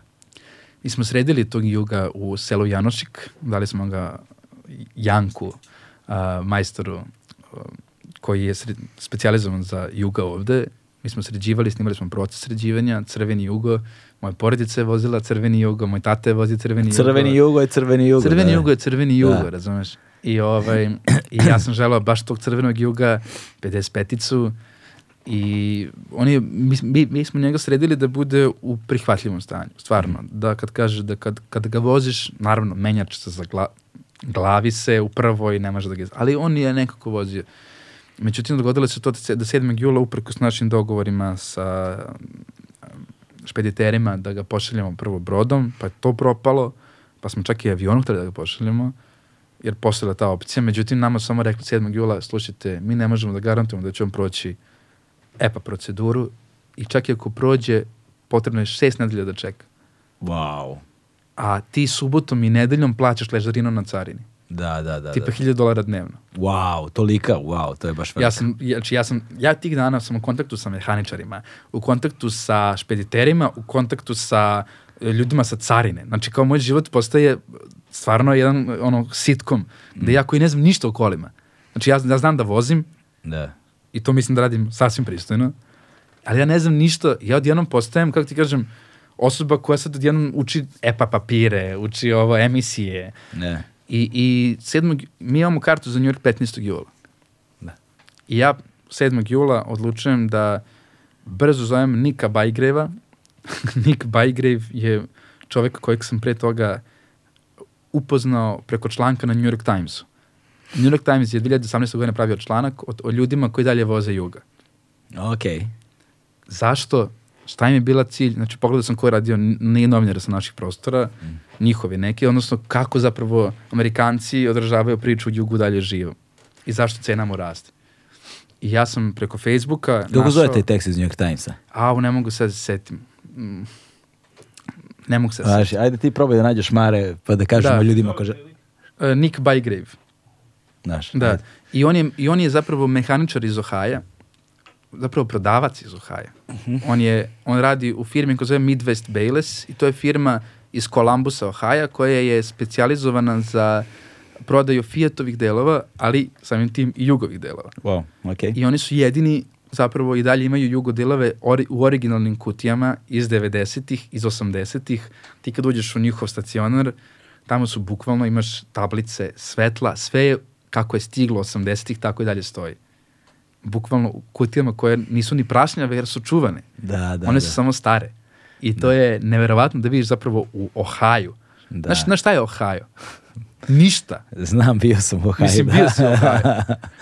Kao i, i, ovaj, i ja sam Farmeri. farmeri i Nick je dečko od 28 godina. Farmeri i Dave Chappelle. Tako, i, i, i The National Band. da. Ovaj, i, ovaj, I ja sam zvao Nika, ko, kojeg ne znam.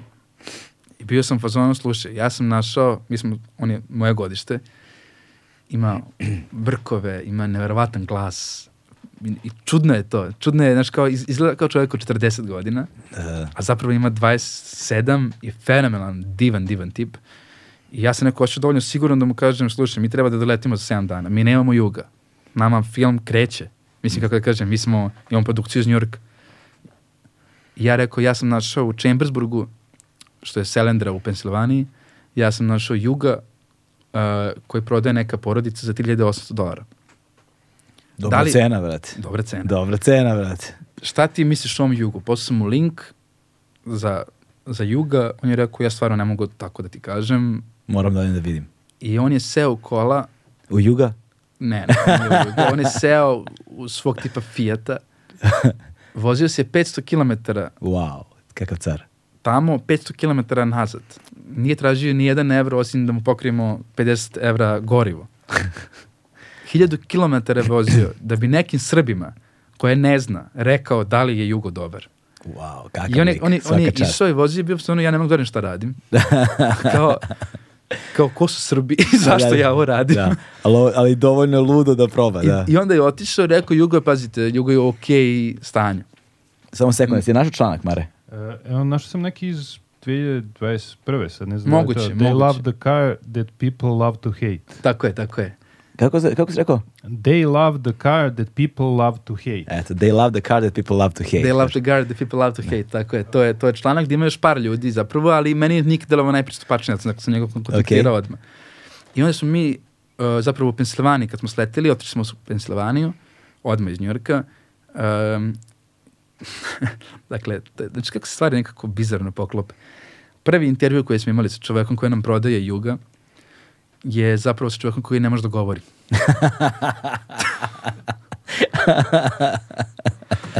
jer je, Jedva čekam film, majke jer je nedavno operisao rak grla. Wow, horror, da. I on ima onu rupu u grlu. A, da, da, da, da. I sad ti dolaziš i poznan si čekaj, ja sam sad u Selendri u Pensilvaniji, došao sam koliko i toliko i treba da imam intervju sa čovekom koji ne može ni da mi kaže da li je u dobrom stanju ili nije.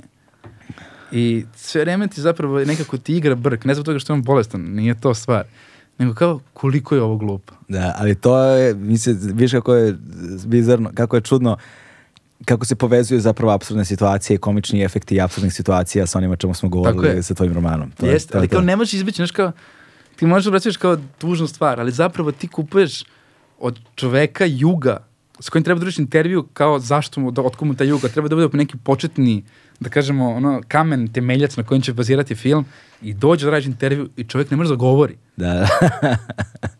I kako ste rešili taj problem? Pa Pisao? tako što nije pisao, nego ja sam shvatio u nekom trenutku da on može da klima glavom ovako i ovako i ja sam onda postavljao pitanja da li misli da će Jugo uspeti, on kaže ovako. Da, da, da. I onda čim krenem da postavim pitanje koje je malo elaborativnije, shvatim da prosto ja nemam odgovor, ne može on da da odgovor, osim da se smeška. Da, nije da i ne. Da. Nije da i ne. I onda imao ženu kao glasnogovornicu, tako da ona je uspevala da, da neke stvari kaže, ali onda oni, ona ne zna informacije, jer oni ne, znači oni, oni se dalje privikavaju na njegov prirodne govorenja. Da su, oni, da su oni uigran tim. Znači on je operisao to grlo pre tri nedelje. Trener je pre toga, da. Znači, tri nedelje pre toga, razumeš? Da su oni uigran tim kao mu žena da je on mute čovek od starta, pa da znaju. Ne, oni Da, da. ne znaju kako da se snađu u toj situaciji. Da, i njima je nova I situacija. njima je nova, da. još i kamera tu. Wow, ludilo čoveč. Tako da, iz Pensilvanije zapravo čekaj, ti nisi znao da on ne može da govori pre nego što si stigao kod njega. Pa ja sam znao, ali, ali to je bila, kako ti kažem, ja nisam znao do koje stadijuma je to. Nisam razmišljao, nije mi to bilo. Samo je rekao, Nik je rekao, slušaj, ovaj čovjek je divan, ali, ali kao prosto imao je rak grla. Da, da, da. I to je sve. Međutim, onda, e, sad, taj jugo je zapravo američki model juga. Mhm. To je model iz 90. i on je crn. On je kompletno crn.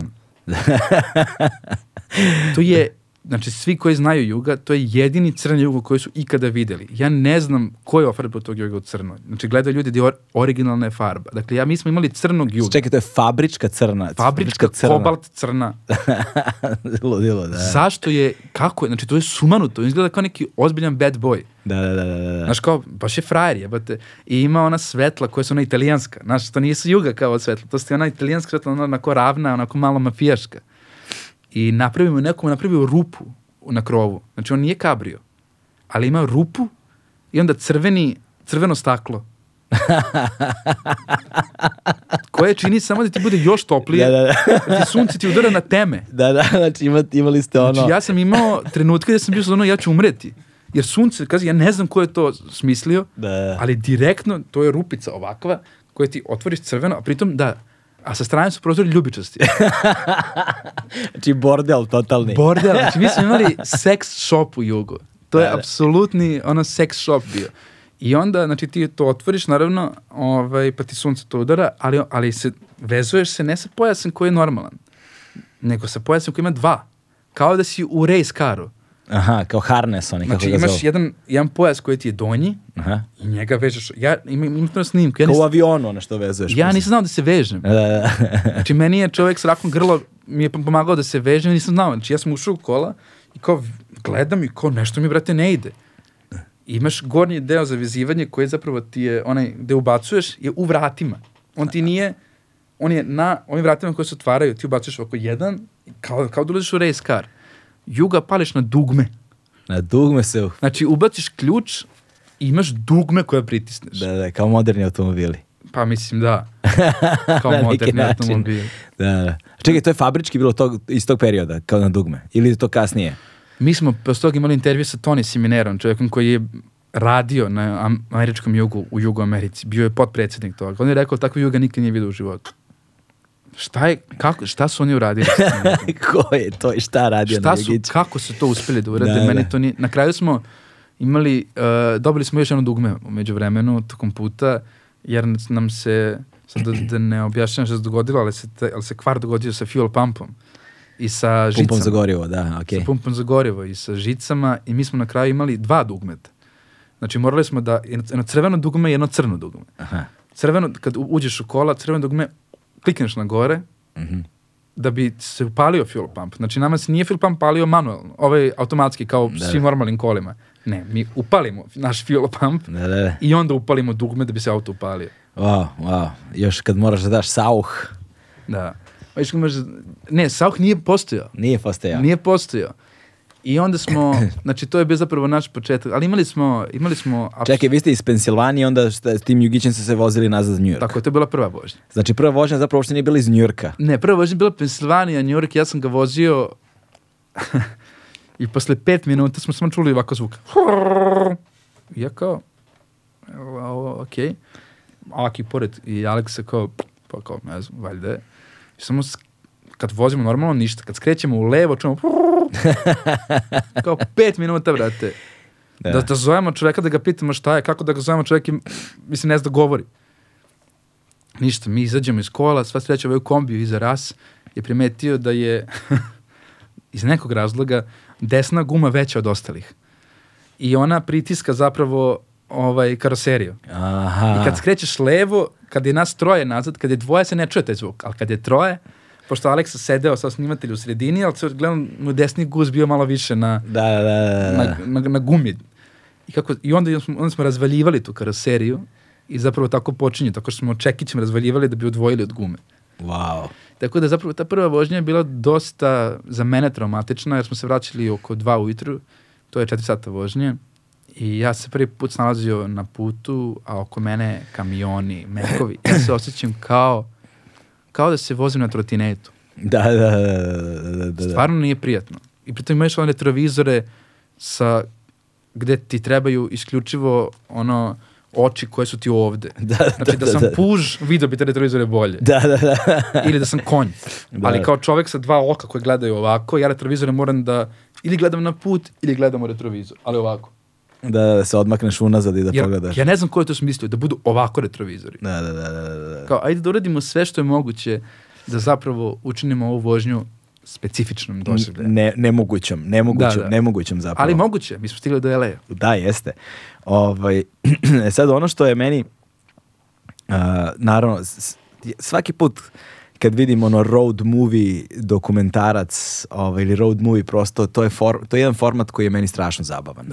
Strašno je zabavan zbog uh, spontanosti, nepredvidivosti i autentičnosti onoga što se dešava i zabavan je zbog transformacije likova vrlo često. Znači, ljudi kad krenu na putovanje, krenu sa jednim, na jedan način, s jednim ciljem, s jednom vizijom negde stvari uh, i ti vidiš zapravo dinamiku i promenu ono ne samo njih samih nego njihovih uzemnih odnosa i ljudi koji zapravo dođu promenjeni iskustvima koje su doživjeli usput. Ono što je dodatno ovaj, uzbudljivo a, kada je, kada je ono severnoamerički kontinent u pitanju, posebno kad ste išli ono od New Yorka do LA-a, kako ga zove, Red Eye Flight, znači išli ste znači, od istočne do zapadne obale, ovaj, od Atlantika do Pacifika i to kroz celokupan severnoamerički kontinent, to je a, a to je priroda koju ti vidiš kada se voziš usput. Znači, to je za kameru, za snimanje dokumentar- dokumentarca, apsolutno zlato. Ovo je čist sek za kolor korekciju. Da, da, da, da, Znaš, da, da, kada da. krene, se radi kolor na ovome, pa onda samo u nekom trenutku dobiješ sve crvene boje New Meksika. Da, da, da. dobiješ svu pustinju Nevade, imaš tu žutu, pa dobiješ najzeleniju moguću zelene u zapadnoj Virginiji. Da. Mm, da, da. Dobiješ oko Michigana i Wisconsina šumetine. I dobiješ žute, ono, žuta polja ničega Kanzasa. Da, da, da, da, da. Dakle, vi ste zapravo išli ono što je u suštini ruta 66, Nis- niste ne. rutu 66, znači ne, dakle, išli mi smo išli zapravo...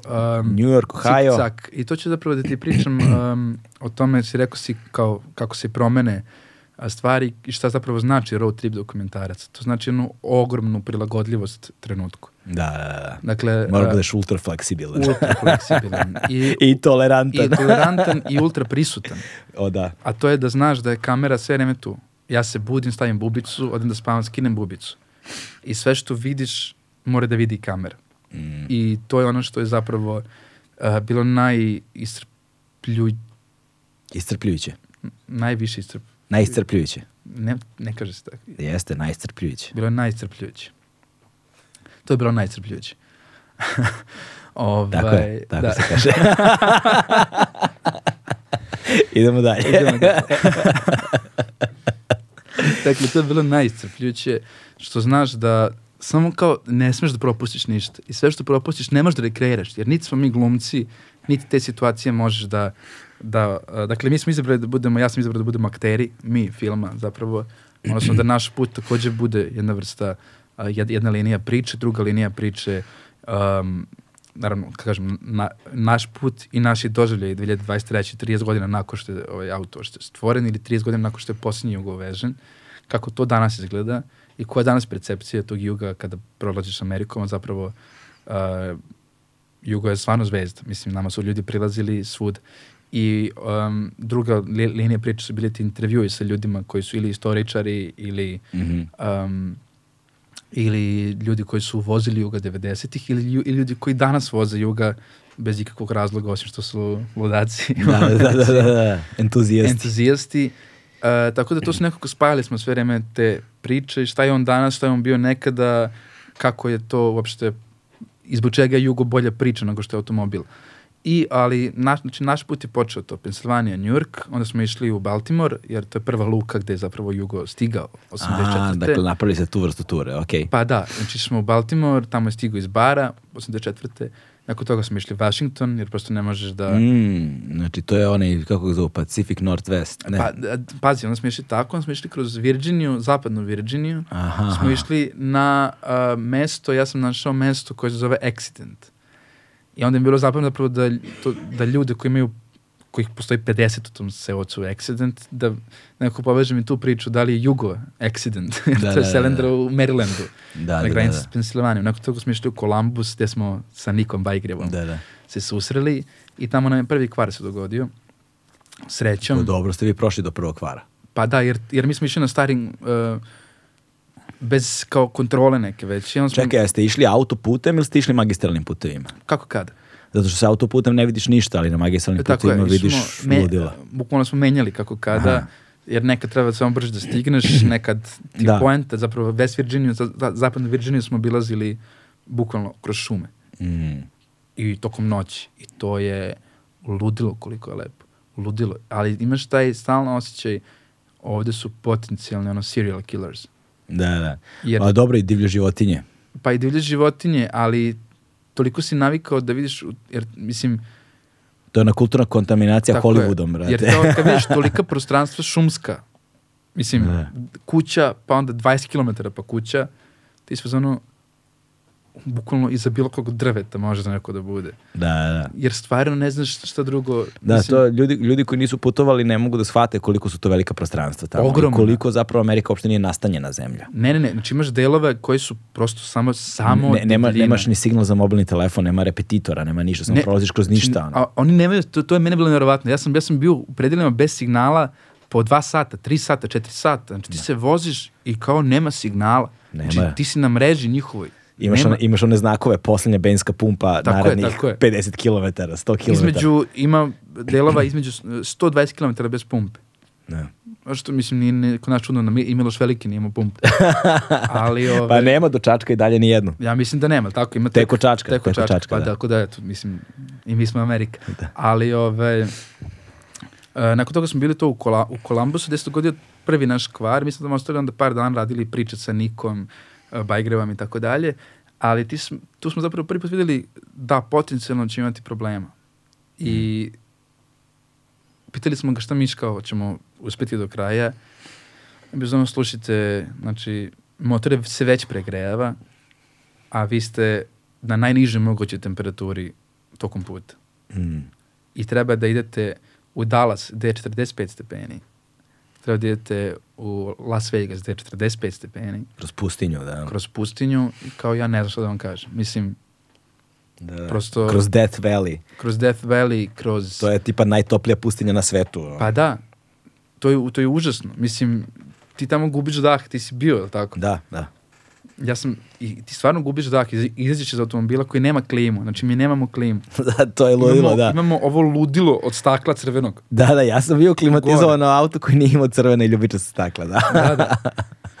I samo, i, i, ali I u to prostornom i brzom i velikom automobilu sam bio, da.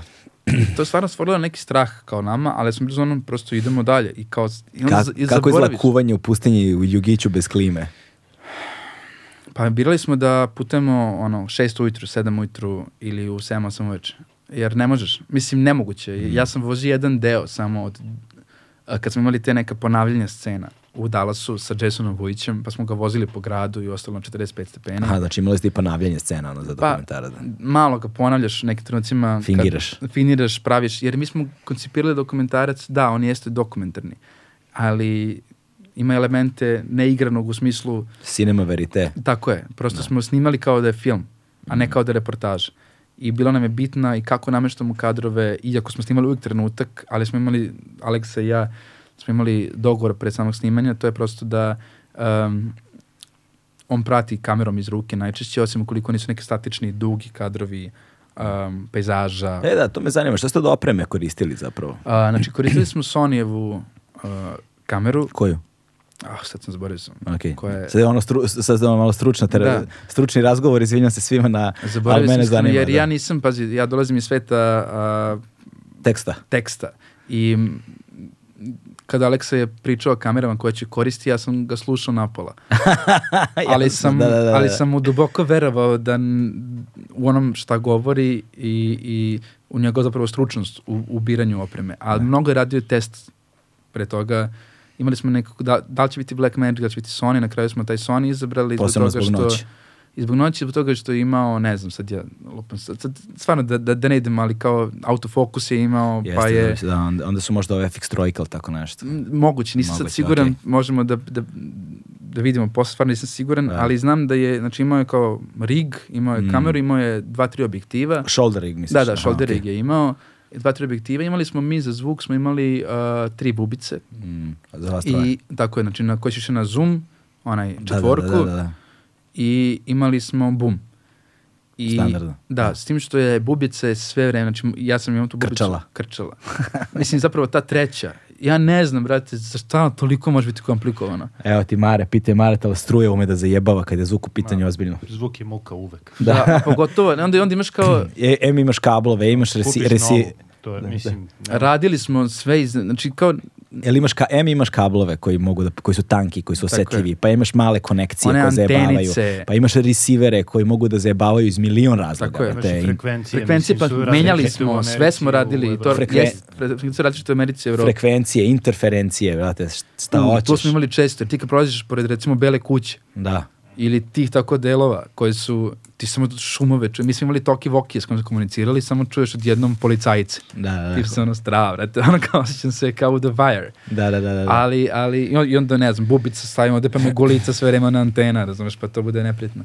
Ali, znači, to je bilo zapravo dopreme smo nosili, um, uvek smo koristili rasvetu koja je, koja je nepostojeća, odnosno koja nam pruža dan, Da, aha, okej, okej. ali smo imali i dva svetla za slučaj da uh, radimo neki setting, jel tako, unutra, Mm, koje su nam mala, to su nam laj, lightsaberi, bukvalno. Da, kao ovi ovde Amarani, na primjer, sa da, strane. da, e, e, e, e, baš tako. Tako, da, da. Baš tako svetla i to je, i to je nekako bila celokupna. Imali smo cilj da imamo što manje opreme, Mm. da bi bili što fleksibilniji. Skeleton crew. Da, da, da bi bili što... Sad, Alex je zapravo imao najteži deo posla, on je i nameštao svoju opremu i radio kao dit posle sa prebacivanjem materijala Mm. svaki dan, jer ti imaš mnoštvo Jeste četiri mnoštvo. kasni imali?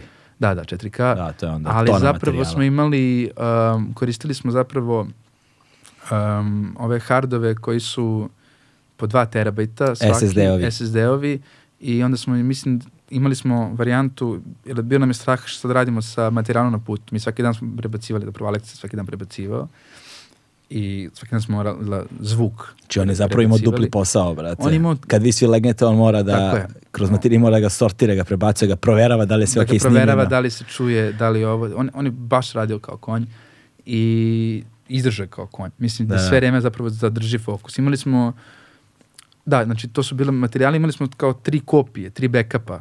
Mm. Jedna je bila stalno kod mene, jedna kod njega, a onda šta god da popunimo šaljemo za New York. Da zapravo Da, da, uvek da. imamo jednu koja je stacionirana.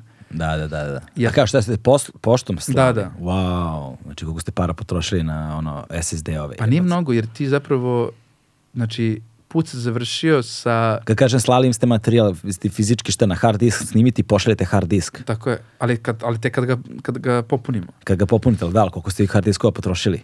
Zapravo malo. A, zanimljivo. Mi, mi smo trošili tri hard diska. Okej, okej. Mislim, SSD-ovi nisu jeftini. Ono, pa da, da, nisam, da, ali, nije- ali, ali je to bilo najbolje, zapravo samo smo tri harda imali po osobi. I tako da sve je tu zapravo stalo na, Strava, na strava, to. strava. Um, ali ono što da kažem za prilagodljivost, znači nama se dogodilo to da um, da recimo 20. dan puta nama je transmisija otišla skroz. I to se dogodilo na putu između uh, Chicaga i Nashvilla. Okej. I mi smo spavali u Terre Haute, se zove mesto u Indijani.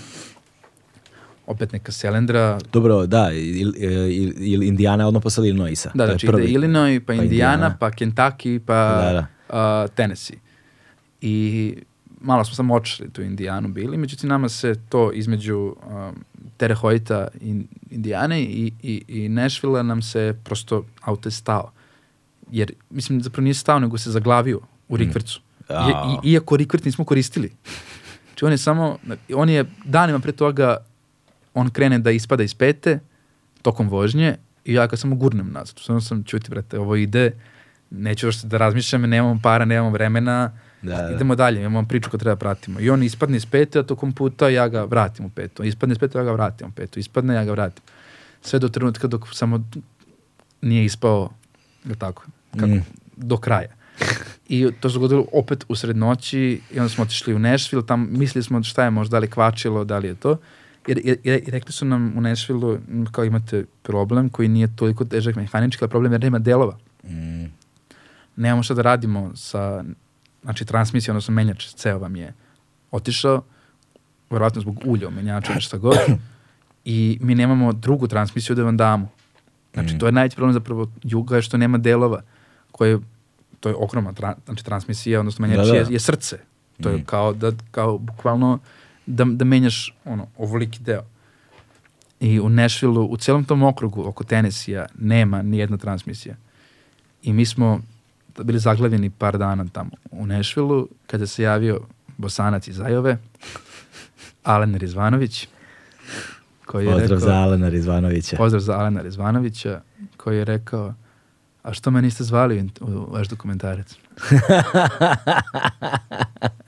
Mi kao, pa prosto kao nije nam Ajova bila usput. Da, da, da. Kaže, i onako naš besno te zove, sa autoritetom. Mhm. Kao dođite odmah u Ajovu, kao hiljadi po kilometara. ja ću da vam, imam ja mog Jarana Hasana Da. i mi ćemo da vam damo našu transmisiju iz našeg juga. Wow. Oni imaju par jugića koji imaju, imaju jednog baš i kaže, koliko brzine imate mi kao pet, kaže on, sad ćete imati četiri.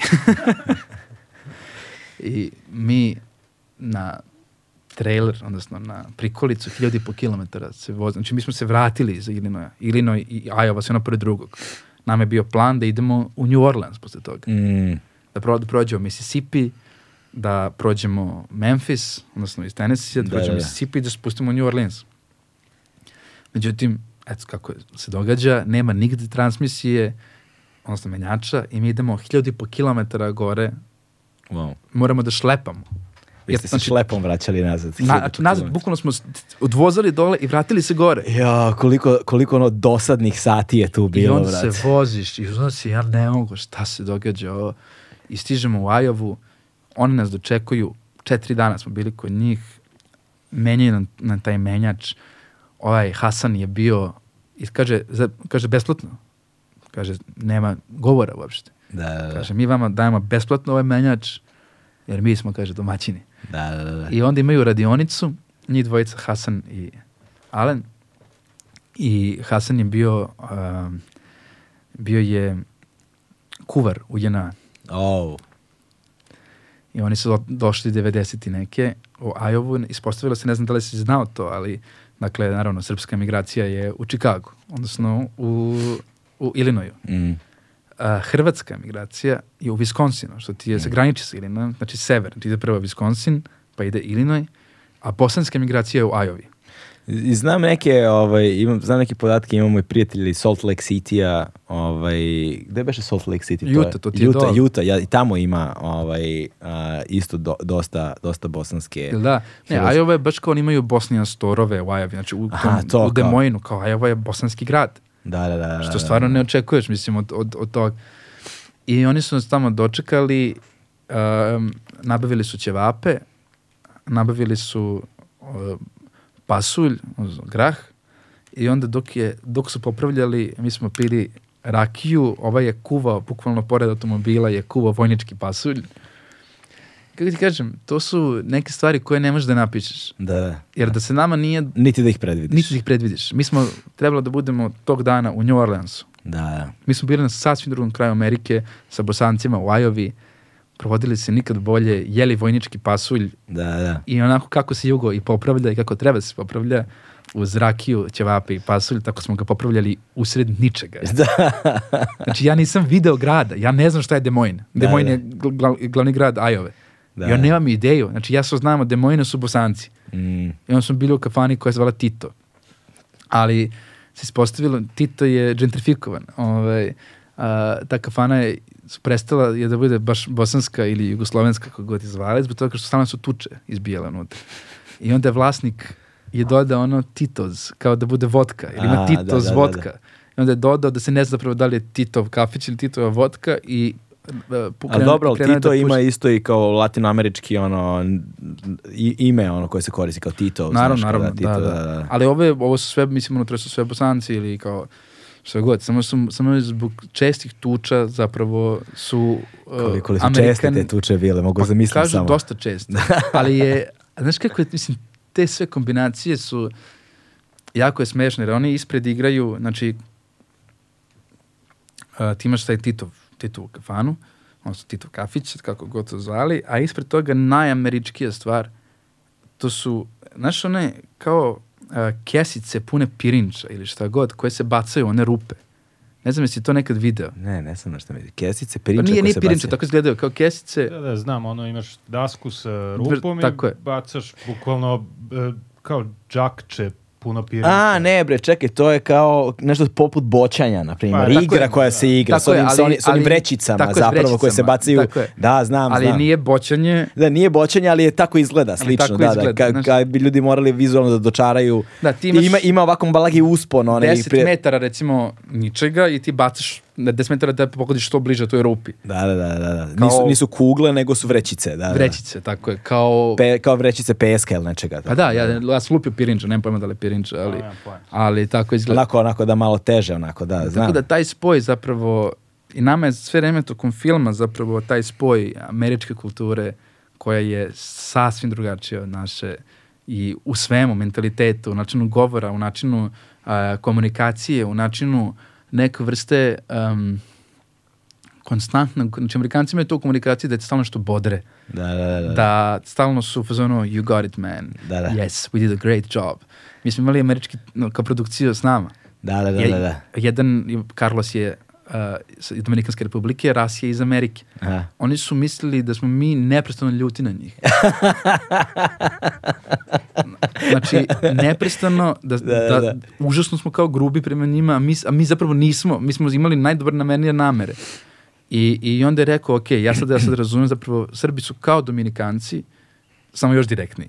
Da, da, da, da. A ovaj bosanac, Alen, kada je nazvan na telefon, on je zvao Carlosa i Rasa, Amerikance, tad su već ovi navikli na nas i rekao, where the fuck are you man? What are you doing? Why didn't you call me? Da, da, da. Ja, ja pitam njega kao Ka- Carlosa, kao, pa dobro, kako ti zvučao? Kaže, zvučao je jako ljuto, ali to je valjda okej kod vas, jel da?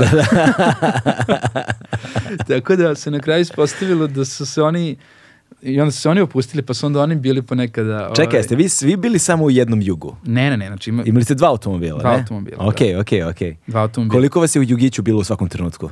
Pa dvoje ili troje. Mm, ok, je tonac Jer- bio sa vama kolima ili u drugim kolima hvata? s nama. S vama, da. Da, da, jer da. tonac je zapravo... Um, tonac Znači, je deo do, tonac je jadan morao sve vreme u jugu da bude. Sve vreme. Sve vreme. Jer tonac je deo filma. Pa Kažem, uh, jer ti razgovori unutar kola Da, da, da. Stvarali dodatne komplikacije, jer ti nemaš klimu u jugu. Mm, Imaš bubicu na sebi. Ako voziš, vetar duva. da, da. Ubija kako duva. Da, Samim da, da. tim ti kada snimaš kad se razgovor znojiš, još u se kolima znojiš na na tu 40 bubicu. stepeni, zatvaraš prozor. O, sauna, brate. To je to je ne, to je ne ponovilo se. to je ne ponovilo se. Znači, ti gubiš razum, brate. Ja sam izgubio razum u više navrata. Da, da, da. Ti razgovori, ja sam sad slušao te razgovore. Ti razgovori su pola kuknjeve, pola razgovor o najglupljim stvarima na svetu, tipa da li treba čačkalicom za uši čačkati uši ili ih prati. Znači, to je neupotrebljivo. Ko zna, možda i jeste. Neupotrebljivo je zato što kao ti zaboraviš da praviš film i samo gledaš da preživiš. Da, da, da. I onda u tom preživljavanju govoriš neke apsolutno sumanute stvari. Bulazni, što bi rekli. Jeste, to je, to je delirium tremens bez pijanstva. Da, da, da. Znači, mi smo bili de, delirium tremens Čekaj, kojom brzinom ste vozili vi tog juga jadnog? Pa, znaš šta, e, kad imam pet brzina, vozio sam i 120 na sat. Wow, opa, Da, da, pratili smo. kurčenje. O, to ozbiljno. Da, da, da. A, mora sam se pokažem. Ali, ovaj, ali onda Sa sa četiri četiri? brzine smo ga vozili 100. Mm, ok, a čekaj, posle, posle Ajove, Da. uh, Posle Ave smo se spuštali preko Kanzasa, mm, Kansas, da. uh, Mizurija, Mhm, znači da. Missouri, Kansas. uh, Tu počinje jug se- zvanično. Pa da, tu počinje zapravo... Ja zna- znam da onaj St. Louis uh, ima onaj uh, luk kao St. Da, Louis da. Arch, ima kao luk i zva- zvanično, kako su meni tad rekli, ako, la, ako su lagali mene, lažem ja tebe sada i sve ljude koji nas slušaju. Dakle, taj luk u St. Louisu zapravo obeležava početak juga zvanično. I sa severne strane tog luka si Midwest, srednji zapad, Stvarno? a južno tog luka zvanično počinje jug. Ujebate. Da, nisam to znao. Pa onda ide Ohio. Ne Ohio, izvini bre, Oklahoma. Ispod. Ne ide, ne ide. Mislim ideali St. Louis je Missouri, ali sa druge strane. Sa druge strane, da, da, da. da. Ne, ja sam... Kansas City je zapravo u Mizuriju. Da, da, da. I on ti spaja Kansas pa Oklahoma. Ali mi smo kroz Missouri smo vozili dosta i to su vukojebine Mizurija. Znači, ja, jo, ja sam mislio da ću ja upasti u, u, u takvu tešku psihodeliju oko hrane. Ja sam jeo 10 dana, sam jeo barbecue. Da, da, da, da. Znači, barbecue, ribs, a, prženu ribu, jer nemaju drugu, oni samo jedu pržene stvari, od pržene krastavce, Da. pržene masline. Jeste se ugojili? Pa ne, ja, ja sam se od nerviranja sam smršao. Da, da, da, da. Jer ja sam svaki put kad vidim hranu, ja se iznerviram. Da, da, da. I ja se sećam se tu u Mizuriju, išli smo u selo, jer ja sam našao sam selo Belgrade. Strava. Ima šest Belgrada u Americi. Ja sam mislio da ima sedam. Nema, osim ako ne, ako ne osnuješ.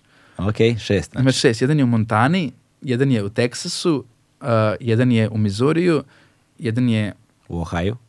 Ne, Ne? nema. kao- Nema, nema. Sad ne znam da su ove tri. Ima jedan u Maine. Mm. I ovaj Belgrade je tako, prosto oni imaju Belgrade State Bank. Oni imaju, Belgrade je zapravo glavna banka tog okruga. A, ok. Ti voziš juga i svuda su ti Belgrade State Bank, ovaj, Belgrade State, ovaj. Tako to je bilo zanimljivo. Ali, ovaj, sam teo da kažem, da, onda smo posle toga išli uh, Kansas i Okla- zapravo Oklahoma ti kreće Pravi jugo. pravi jug. Jer Kansas, Bible Belt. Tako je. I kreću ludila i kreću um, mono, mono, kazino i koji drže indijanci, Mm. jer tako je, njima je zapravo posle, Da. nakon Odnosno, ratova... severnoamerički domoroci. odnosno, Tako Da, je, da. severnoamerički domoroci koji su prosto u, u, toliko nastradali da su kraju dobili kazinoje. Mm, da, tamo su ti rezervati. Da, gdje mislim, on- ti rezervati zapravo su danas kazinoji. Da, da, da. Jer oni su dobili prava na, Na toj zemlji svoje na toj sve. zemlji da prave samo kazinoje. Pa ne, nego sad, koliko sam ja razumeo, oni su zapravo izuzeti nekog poreza, state Pa da, da, taxa, tako nekog, je. ili tako nešto, znači nekog, nekog državnog poreza su izuzeti zbog kao te neke svete zemlje i onda kad hoće ovi veliki krup, krupni ono venture capital, krupni novac da otvaraju kazina, onda je njima mnogo povoljnije da nađu uh, domoroce koji će da im prodaju, koji će kao na papiru zvanično da budu, a zapravo ovi vode ceo posao. Ali su onda, od, o- ali su onda Da, oslobođeni jesu tih nekih poreza, poreza zbog... što su u tom slučaju pare koje ne možemo zamislimo uopšte. Tako je, tako je. Tako da tu zapravo kreće naše ludilo sa prelaskom to, sa istoka preko Midwesta Mm. I tu konačno stižemo zapravo do, do Dallasa gdje dolazi i Ivana. U tom trenutku menja se nekako dinamika filma, Aki je bio Mm. tu, ovaj, nekako smo bili smo ono, kao boy strip pre Da, toga. da, ne moraš da imaš ženu u ekipu da ne biste bili potpune svinje. Ono. Pa da, Ako da. ništa, barem zbog I toga. ona je došla i kao videla je u kom stanju je naš ono, automobil, A i vi sami. a i mi sami, razumeš, ono, A gde ste spavali? Ste po motelima spavali usput ili ono Motel 6, Motel 8 ili to? da, ili... spavali smo uh, nekad u Airbnb-ima, nekad su bili jeftiniji od motela, A, jer da, ti da iznemiš, budu recimo u Ohio, iznemiš uh, kuću, jer Ohio, mislim kao niko ne ide u Ohio, iznemiš kuću na obodu, ne znam, Kolumbusa za manje para nego, mo- nego, nego motel. Mm, Ili za iste pare. Jeste sretali ali- frikove usput? Hm? Ste sretali frikove razno O, razvrsta? brate. Mi, znači, mi smo prvom delu puta, možda malo kad se više potrošili na smeštaje, Mm. onda drugi deo puta kad je došla Ivana. Znači, mi smo samo motele rokali. I to, znači, ja tebe ne mogu da opišem, u smislu, ok, ti moteli su ok, pri, prihvatljivi su super osmice, uh, kojoti, mislim, tako, tako zove ti neki, ne, imaš ono, krevet, ja, jedan motel je bio na pumpi. Znači, bukvalno pumpa, zadnji deo pumpe je motel. Znači, to šta vidiš uveče je pako. Ali ono što ja nisam nikada zapravo doživeo je tolika količina crackheada. Mm. A, dakle, ovim jeftinijim motelima. Hodajućih zombija. Ali to je u Santa Feu. Znači, Santa Fe u New Mexico. Mi smo bili u Dallasu, tamo smo bili na rodeo, tamo smo videli ono, konje, sve ono što predstavlja zapravo Ameriku, kao po Da. njima, toplotu, konje. Ja sam kupio kaubijski šešir, kupio sam ona uh, Mamuze. Wrangler uh, košulju, Da, da, da, da, da. da. jahao sam konje na 45 stepeni, bio sam ono, daj, Da, da. daj sve što mogu da, da, bili smo na tom rodeo na, na, na Fort Worth State Fairu, bili smo na Marilju na, na um, groblju Kadilaka i tako dalje, ali onda smo stigli do, do New Mexico zapravo, koji je po meni jedan od najlepših predela Amerike. To ljudi ne kapiraju. Ti kad vidiš New Mexico, ti kapiraš zašto oni veruju vanzemaljce. E, da. Znači, tad skapiraš zašto oni veruju, za- kad Ali vidiš ja ta prostranstva. u Kao Mars, brate. Kada vidim, kada vidim to. Izgleda to kao površina Marsa. izgleda tako da ti ne možeš, ja kad bi trebalo to da objasnim, ja bi morao da koristim neke reči koje ne postoje. Da, da, da. I sad New Mexico i taj deo zapravo oni su, on je, on je um, gra, graniči se Utah, uh, Utah, New Mexico, Arizona i mislim Oklahoma. Mislim da postoji ta jedina tačka u Americi koja četiri savezne države zapravo Da. obuhvata. I sad mi smo bili, pre toga smo bili u Santa Feu i Santa Fe je jedan onako produhovljen, on je grad Georgia O'Keeffe.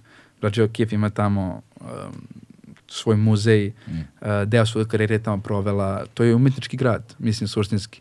Da, Santa bio sam, bio, sam, bio, sam, bio sam u Santa Feu, da. Da, Jedan dan samo. ali jedan da. dan, da, ima i, i mnogo zapravo meksičke kulture je logično tamo Mm. i dalje, ali ostalo je sačuvano um, i zaista stvarno ima taj neki sveti duh u sebi. Mislim, prosto osjećaš da je nešto, osjećaš da, da, da je drugačije. Međutim, malo zađeš iz centra i jedini je walking, znači grad koji sam bio osim Njurka, jedini je Santa Fe da možeš da, znaš, ovde je centar, ovde je klupica, pored klupice Da, ima grad. šetnje, ima super restorane, Ima ima, neku- super nekih gentrifikovanih lokala, gotivnu kafu možda To, popiješ, to, ima, svašta ne, ima nešto, neki da. evropski vibe, da, vibe. da. I ovaj, ali mi smo bili smešteni u motelima koji su na tranzitnim putevima. I ti samo u nekom trenutku shvatiš da si ti okružen uh, krekedima. Znači ti imaš jednu pumpu pored tog našeg super, super osmice gde smo spavali. Um, imaš pumpu gde, gde ljudi koji ti prodaju stvari su na takvom metu Da, da, da. ali to je na nivou da, da ne postoji osoba koja je tamo, od 20-30 osoba koje su tamo, da nije na nečemu što, je, što ti drastično menja fizionomiju. Mm, Znači ja to nisam vidio, ja, ja, ja sam vidio mnogo ljudi na nečemu, da, da, da. ali ovo su, ovo je kao, kao neka vrsta utočišta zombija koji se kreću na drugačiji način, koji govore na drugačiji način, koji te gledaju, gde, gde prosto ti se ne osjećaš, ja, toliko je bilo drugačije da se ja čak nisam osjećao ni uplašeno. Mm, Jer, jer samo je drugačije potpuno. izgubi se, ali ti, na- prosto je čudno, ali, ali onda sam ja kao pokušao nekako da kao hodam opasnije, Mm, Međutim, to je izgledalo smešno, naravno. Ali to je nešto što mi je glavni stvarno doživljaj uprkos toj prirodi koja je neverovatna. Da, Apsolutno neverovatna. Da, to je Ti za imaš nas- za na- kontrast, da. da, da. Reci, reci. da, ti imaš kontrast um, ljudi koji koji ne mogu da se snađu i zapravo koje niti država štiti, niti oni isto mogu da rade. Oni su tamo došli očigledno u Santa Fe jer je, jer je hladnije nego u drugim predelima New Mexico. Samim tim vjerojatno mogu da budu i češći na ulici i da spavaju i ostalo. Ali ne znam, ba, ba, i u Skid Row u LA-u, ne znam, mislim, Da, da, da, da, da. bio si. Da, bio, mislim, nis, nisam bio u Skid Row, ovaj, u LA-u sam se vrlo kratko zadržao, sam, u stvari ne sjećam se, da, bili smo ono Santa Monica, bla, bla, tamo ono Venice Beach, malo smo zableli, išli smo Mulholland Drive i tako Da. obilazili, nisam išao u Skid To nema, Row. Skid Row je Ali to znam da su tamo beskućnici, oni kao... beskućnici, uh, šatori. Znači Da. ti imaš, to je downtown New York. Kao da si, evo ovdje Da. LA, misliš? jel Da, da, izvini, LA, izvini, da. bože, downtown LA. Dakle, to su šatori, to su mentalno boleli, to su narkomani, uglavnom svi, Mm, ali do, do mere koje mi ne možemo da zapravo stvarno percipiramo smo ako ne googlate Skid Row i neke video odande. da. To je, znači mi smo prolazili jugom, snimali smo taj deo, žena gola na semaforu, ra, raspada se i, uh, men, men, i menstruaciju ima u trenutku. Da, da, Znači, ti, ona stoji na semaforu, da. dok ti skrećeš desno. I to nije čudno. Mm, To je život Skid Rowa.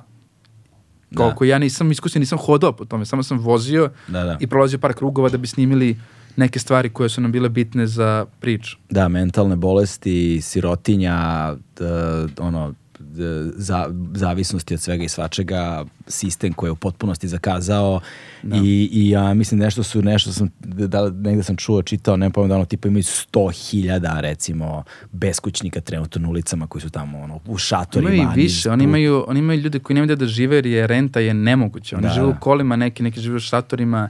Oni su čak i dali besplatni housing Da. za njih, ali to nije rešenje jer opet šta da radiš Da, kada da. nije koren problema rešen. Mm, mm. Znači ti rešavaš kao daš im neke napuštene uh, zgrade, ali to ne rešava ništa jer ljudi neće u tim zgradima ostati. Da, da, da. Pazi, ja sam, ovaj, meni je, za mene je ono kao trenutak, to za nas koji nismo, znaš, koji nismo iz Amerike i kao koji smo stranci kada odeš prvi put, za mene trenutak kada se kao Amerika desila je bilo to kao jeftin motel, ima ono dva kreveta, Biblija u, u, u ladici, razumeš, i kao crackheadi koji su se potukli na parkingu, ono, ispred, razumeš, i kao fazonu sam, ok, sad sam zvanično u A filmu. Biblija je uvek na ladici. Uvek, uvek, uvek. I uvek su krekedi i uvek je Biblija. Da, da, uvek, uvek, uvek, nema greške. Uvek su dva kreveta.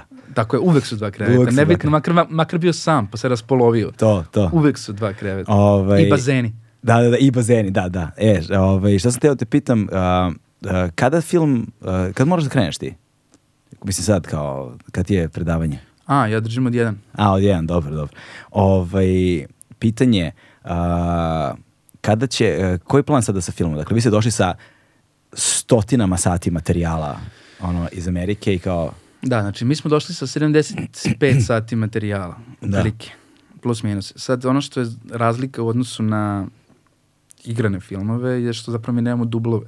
mm, Znači to je 75 sati različitog materijala, da, koji je često upotrebljiv, jer to što smo mi, kažem ti, mi smo videli celu Ameriku i samim tim sve što vidiš zapravo, gde god okreneš kameru, makar na kravu, ta Da, da, krava da, da. ima iza sebe neki pejzaž ili neku priču koja Da, je, to je, da. je uzbudljiva. Tako da mi imamo 75 sati uh, materijala, krenuli smo sad u montažu, bili smo posle toga na, na radionici Doku Srbije. Mislim da nekako dokumentarni film kod nas zaista ima jednu lepu priču. Mislim, nekako čini mi se da, da ja nisam iz sveta, kažem, mm, dokumentarnog filma, tek sad polako upoznajem. Ali mi deluje kao da, da ne znam, i sa Borisom Mitićem i sa Mladenom Kovačevićem, s Milom Turajlić i tako dalje, prosto ima neku vrstu prepoznatljivosti u svetu. da, da, da. I sad smo mi nekako krenuli da, da montiramo zapravo ovaj film, da, pre, da pregledavamo materijal i nama je cilj eh, da kada se to sve dogodi, da, da recimo oko kraja maja sledeće godine da krenemo da šaljemo na festivale, nadamo se da ćemo proći na neke koje želimo, ali da krenemo festivale od recimo novembra. Aha. I onda imamo godinu dana zapravo mogućnost za festivale do, de, do decembra 2025. kad treba krene TV distribucija ovde.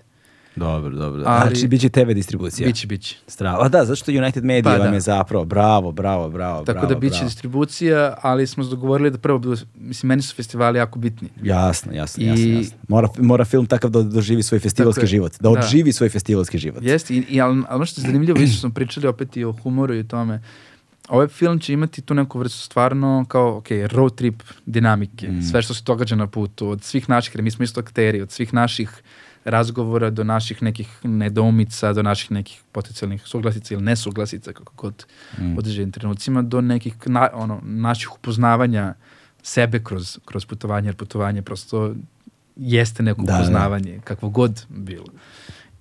Um, ali on to je nama nekako rek, su i, i rekli ti nekim radionicama, kao on prosto ima tu više čak i američku priču nego evropsku. Zbog toga što ima i uprkos tome što je na momente će biti melanholičan, bit će na momente tužan, na momente smešan, ali ima tu neku vrstu opet neke light note. Da, da, da, da, da, da. A to je ono što kao pričamo, što smo pričali Za i, za, i za knjigu, znaš.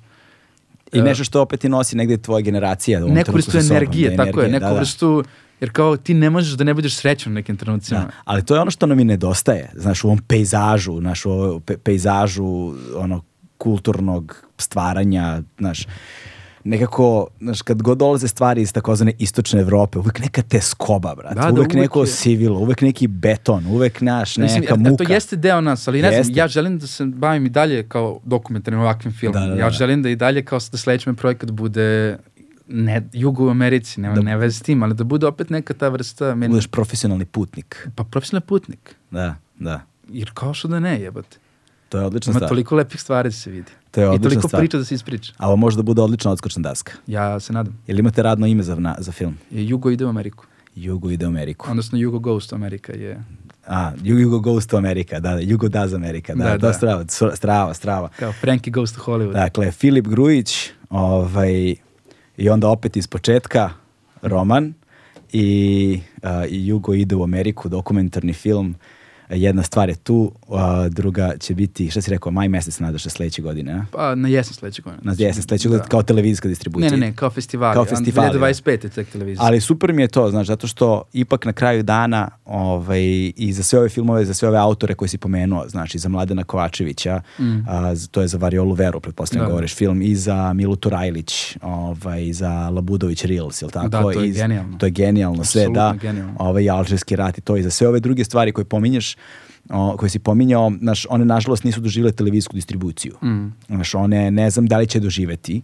Ja bih voleo da dožive i naš i, on, i dobar nije mi mladen bio gost, bio mi je doktor ovaj, koji, je, Da, da. Koji, koji, koji je bio glavni epidemiolog tokom uh, variole vere. Bila mi je Mila Turajlić, znaš, i, i kad god su mi dolazili takvi ljudi, ljud, um, dobijam ogroman broj upita gde mogu da pogledaju film, kada će moći da vide film, gde će moći da ga pogledaju, da li će imati televizijsku distribuciju, da li će imati neke streaming platforme da će moći da pogledaju i tako dalje. I najčešće, nažalost, dobiju razočaravajući odgovor. Ne znamo. Da. Ne znamo ili neće biti.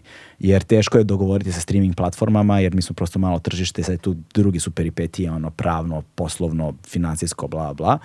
Ovaj, ali za ovo je super što će da ima zapravo televizijsku distribuciju. Što Pa će da. ovo zapravo veliki broj ljudi moći da vidi. Pa meni je to nekako bitno. Za Pa to je bilo šta najbitnije. što stvaraš da ipak dopre do... Da ovaj razgovor ne bude u vakumu. Tako je. Jer Znaš. lepo je držati stvari u fioci, ali lepše ih je pustiti da možda nastaviš dalje. Tako je. Hvala ti puno kuće na ovom razgovoru. Hvala tebi, Gale. Hvala ti puno i ovaj, vidjet ćemo se uskoro ponovo. To je to. Ćao.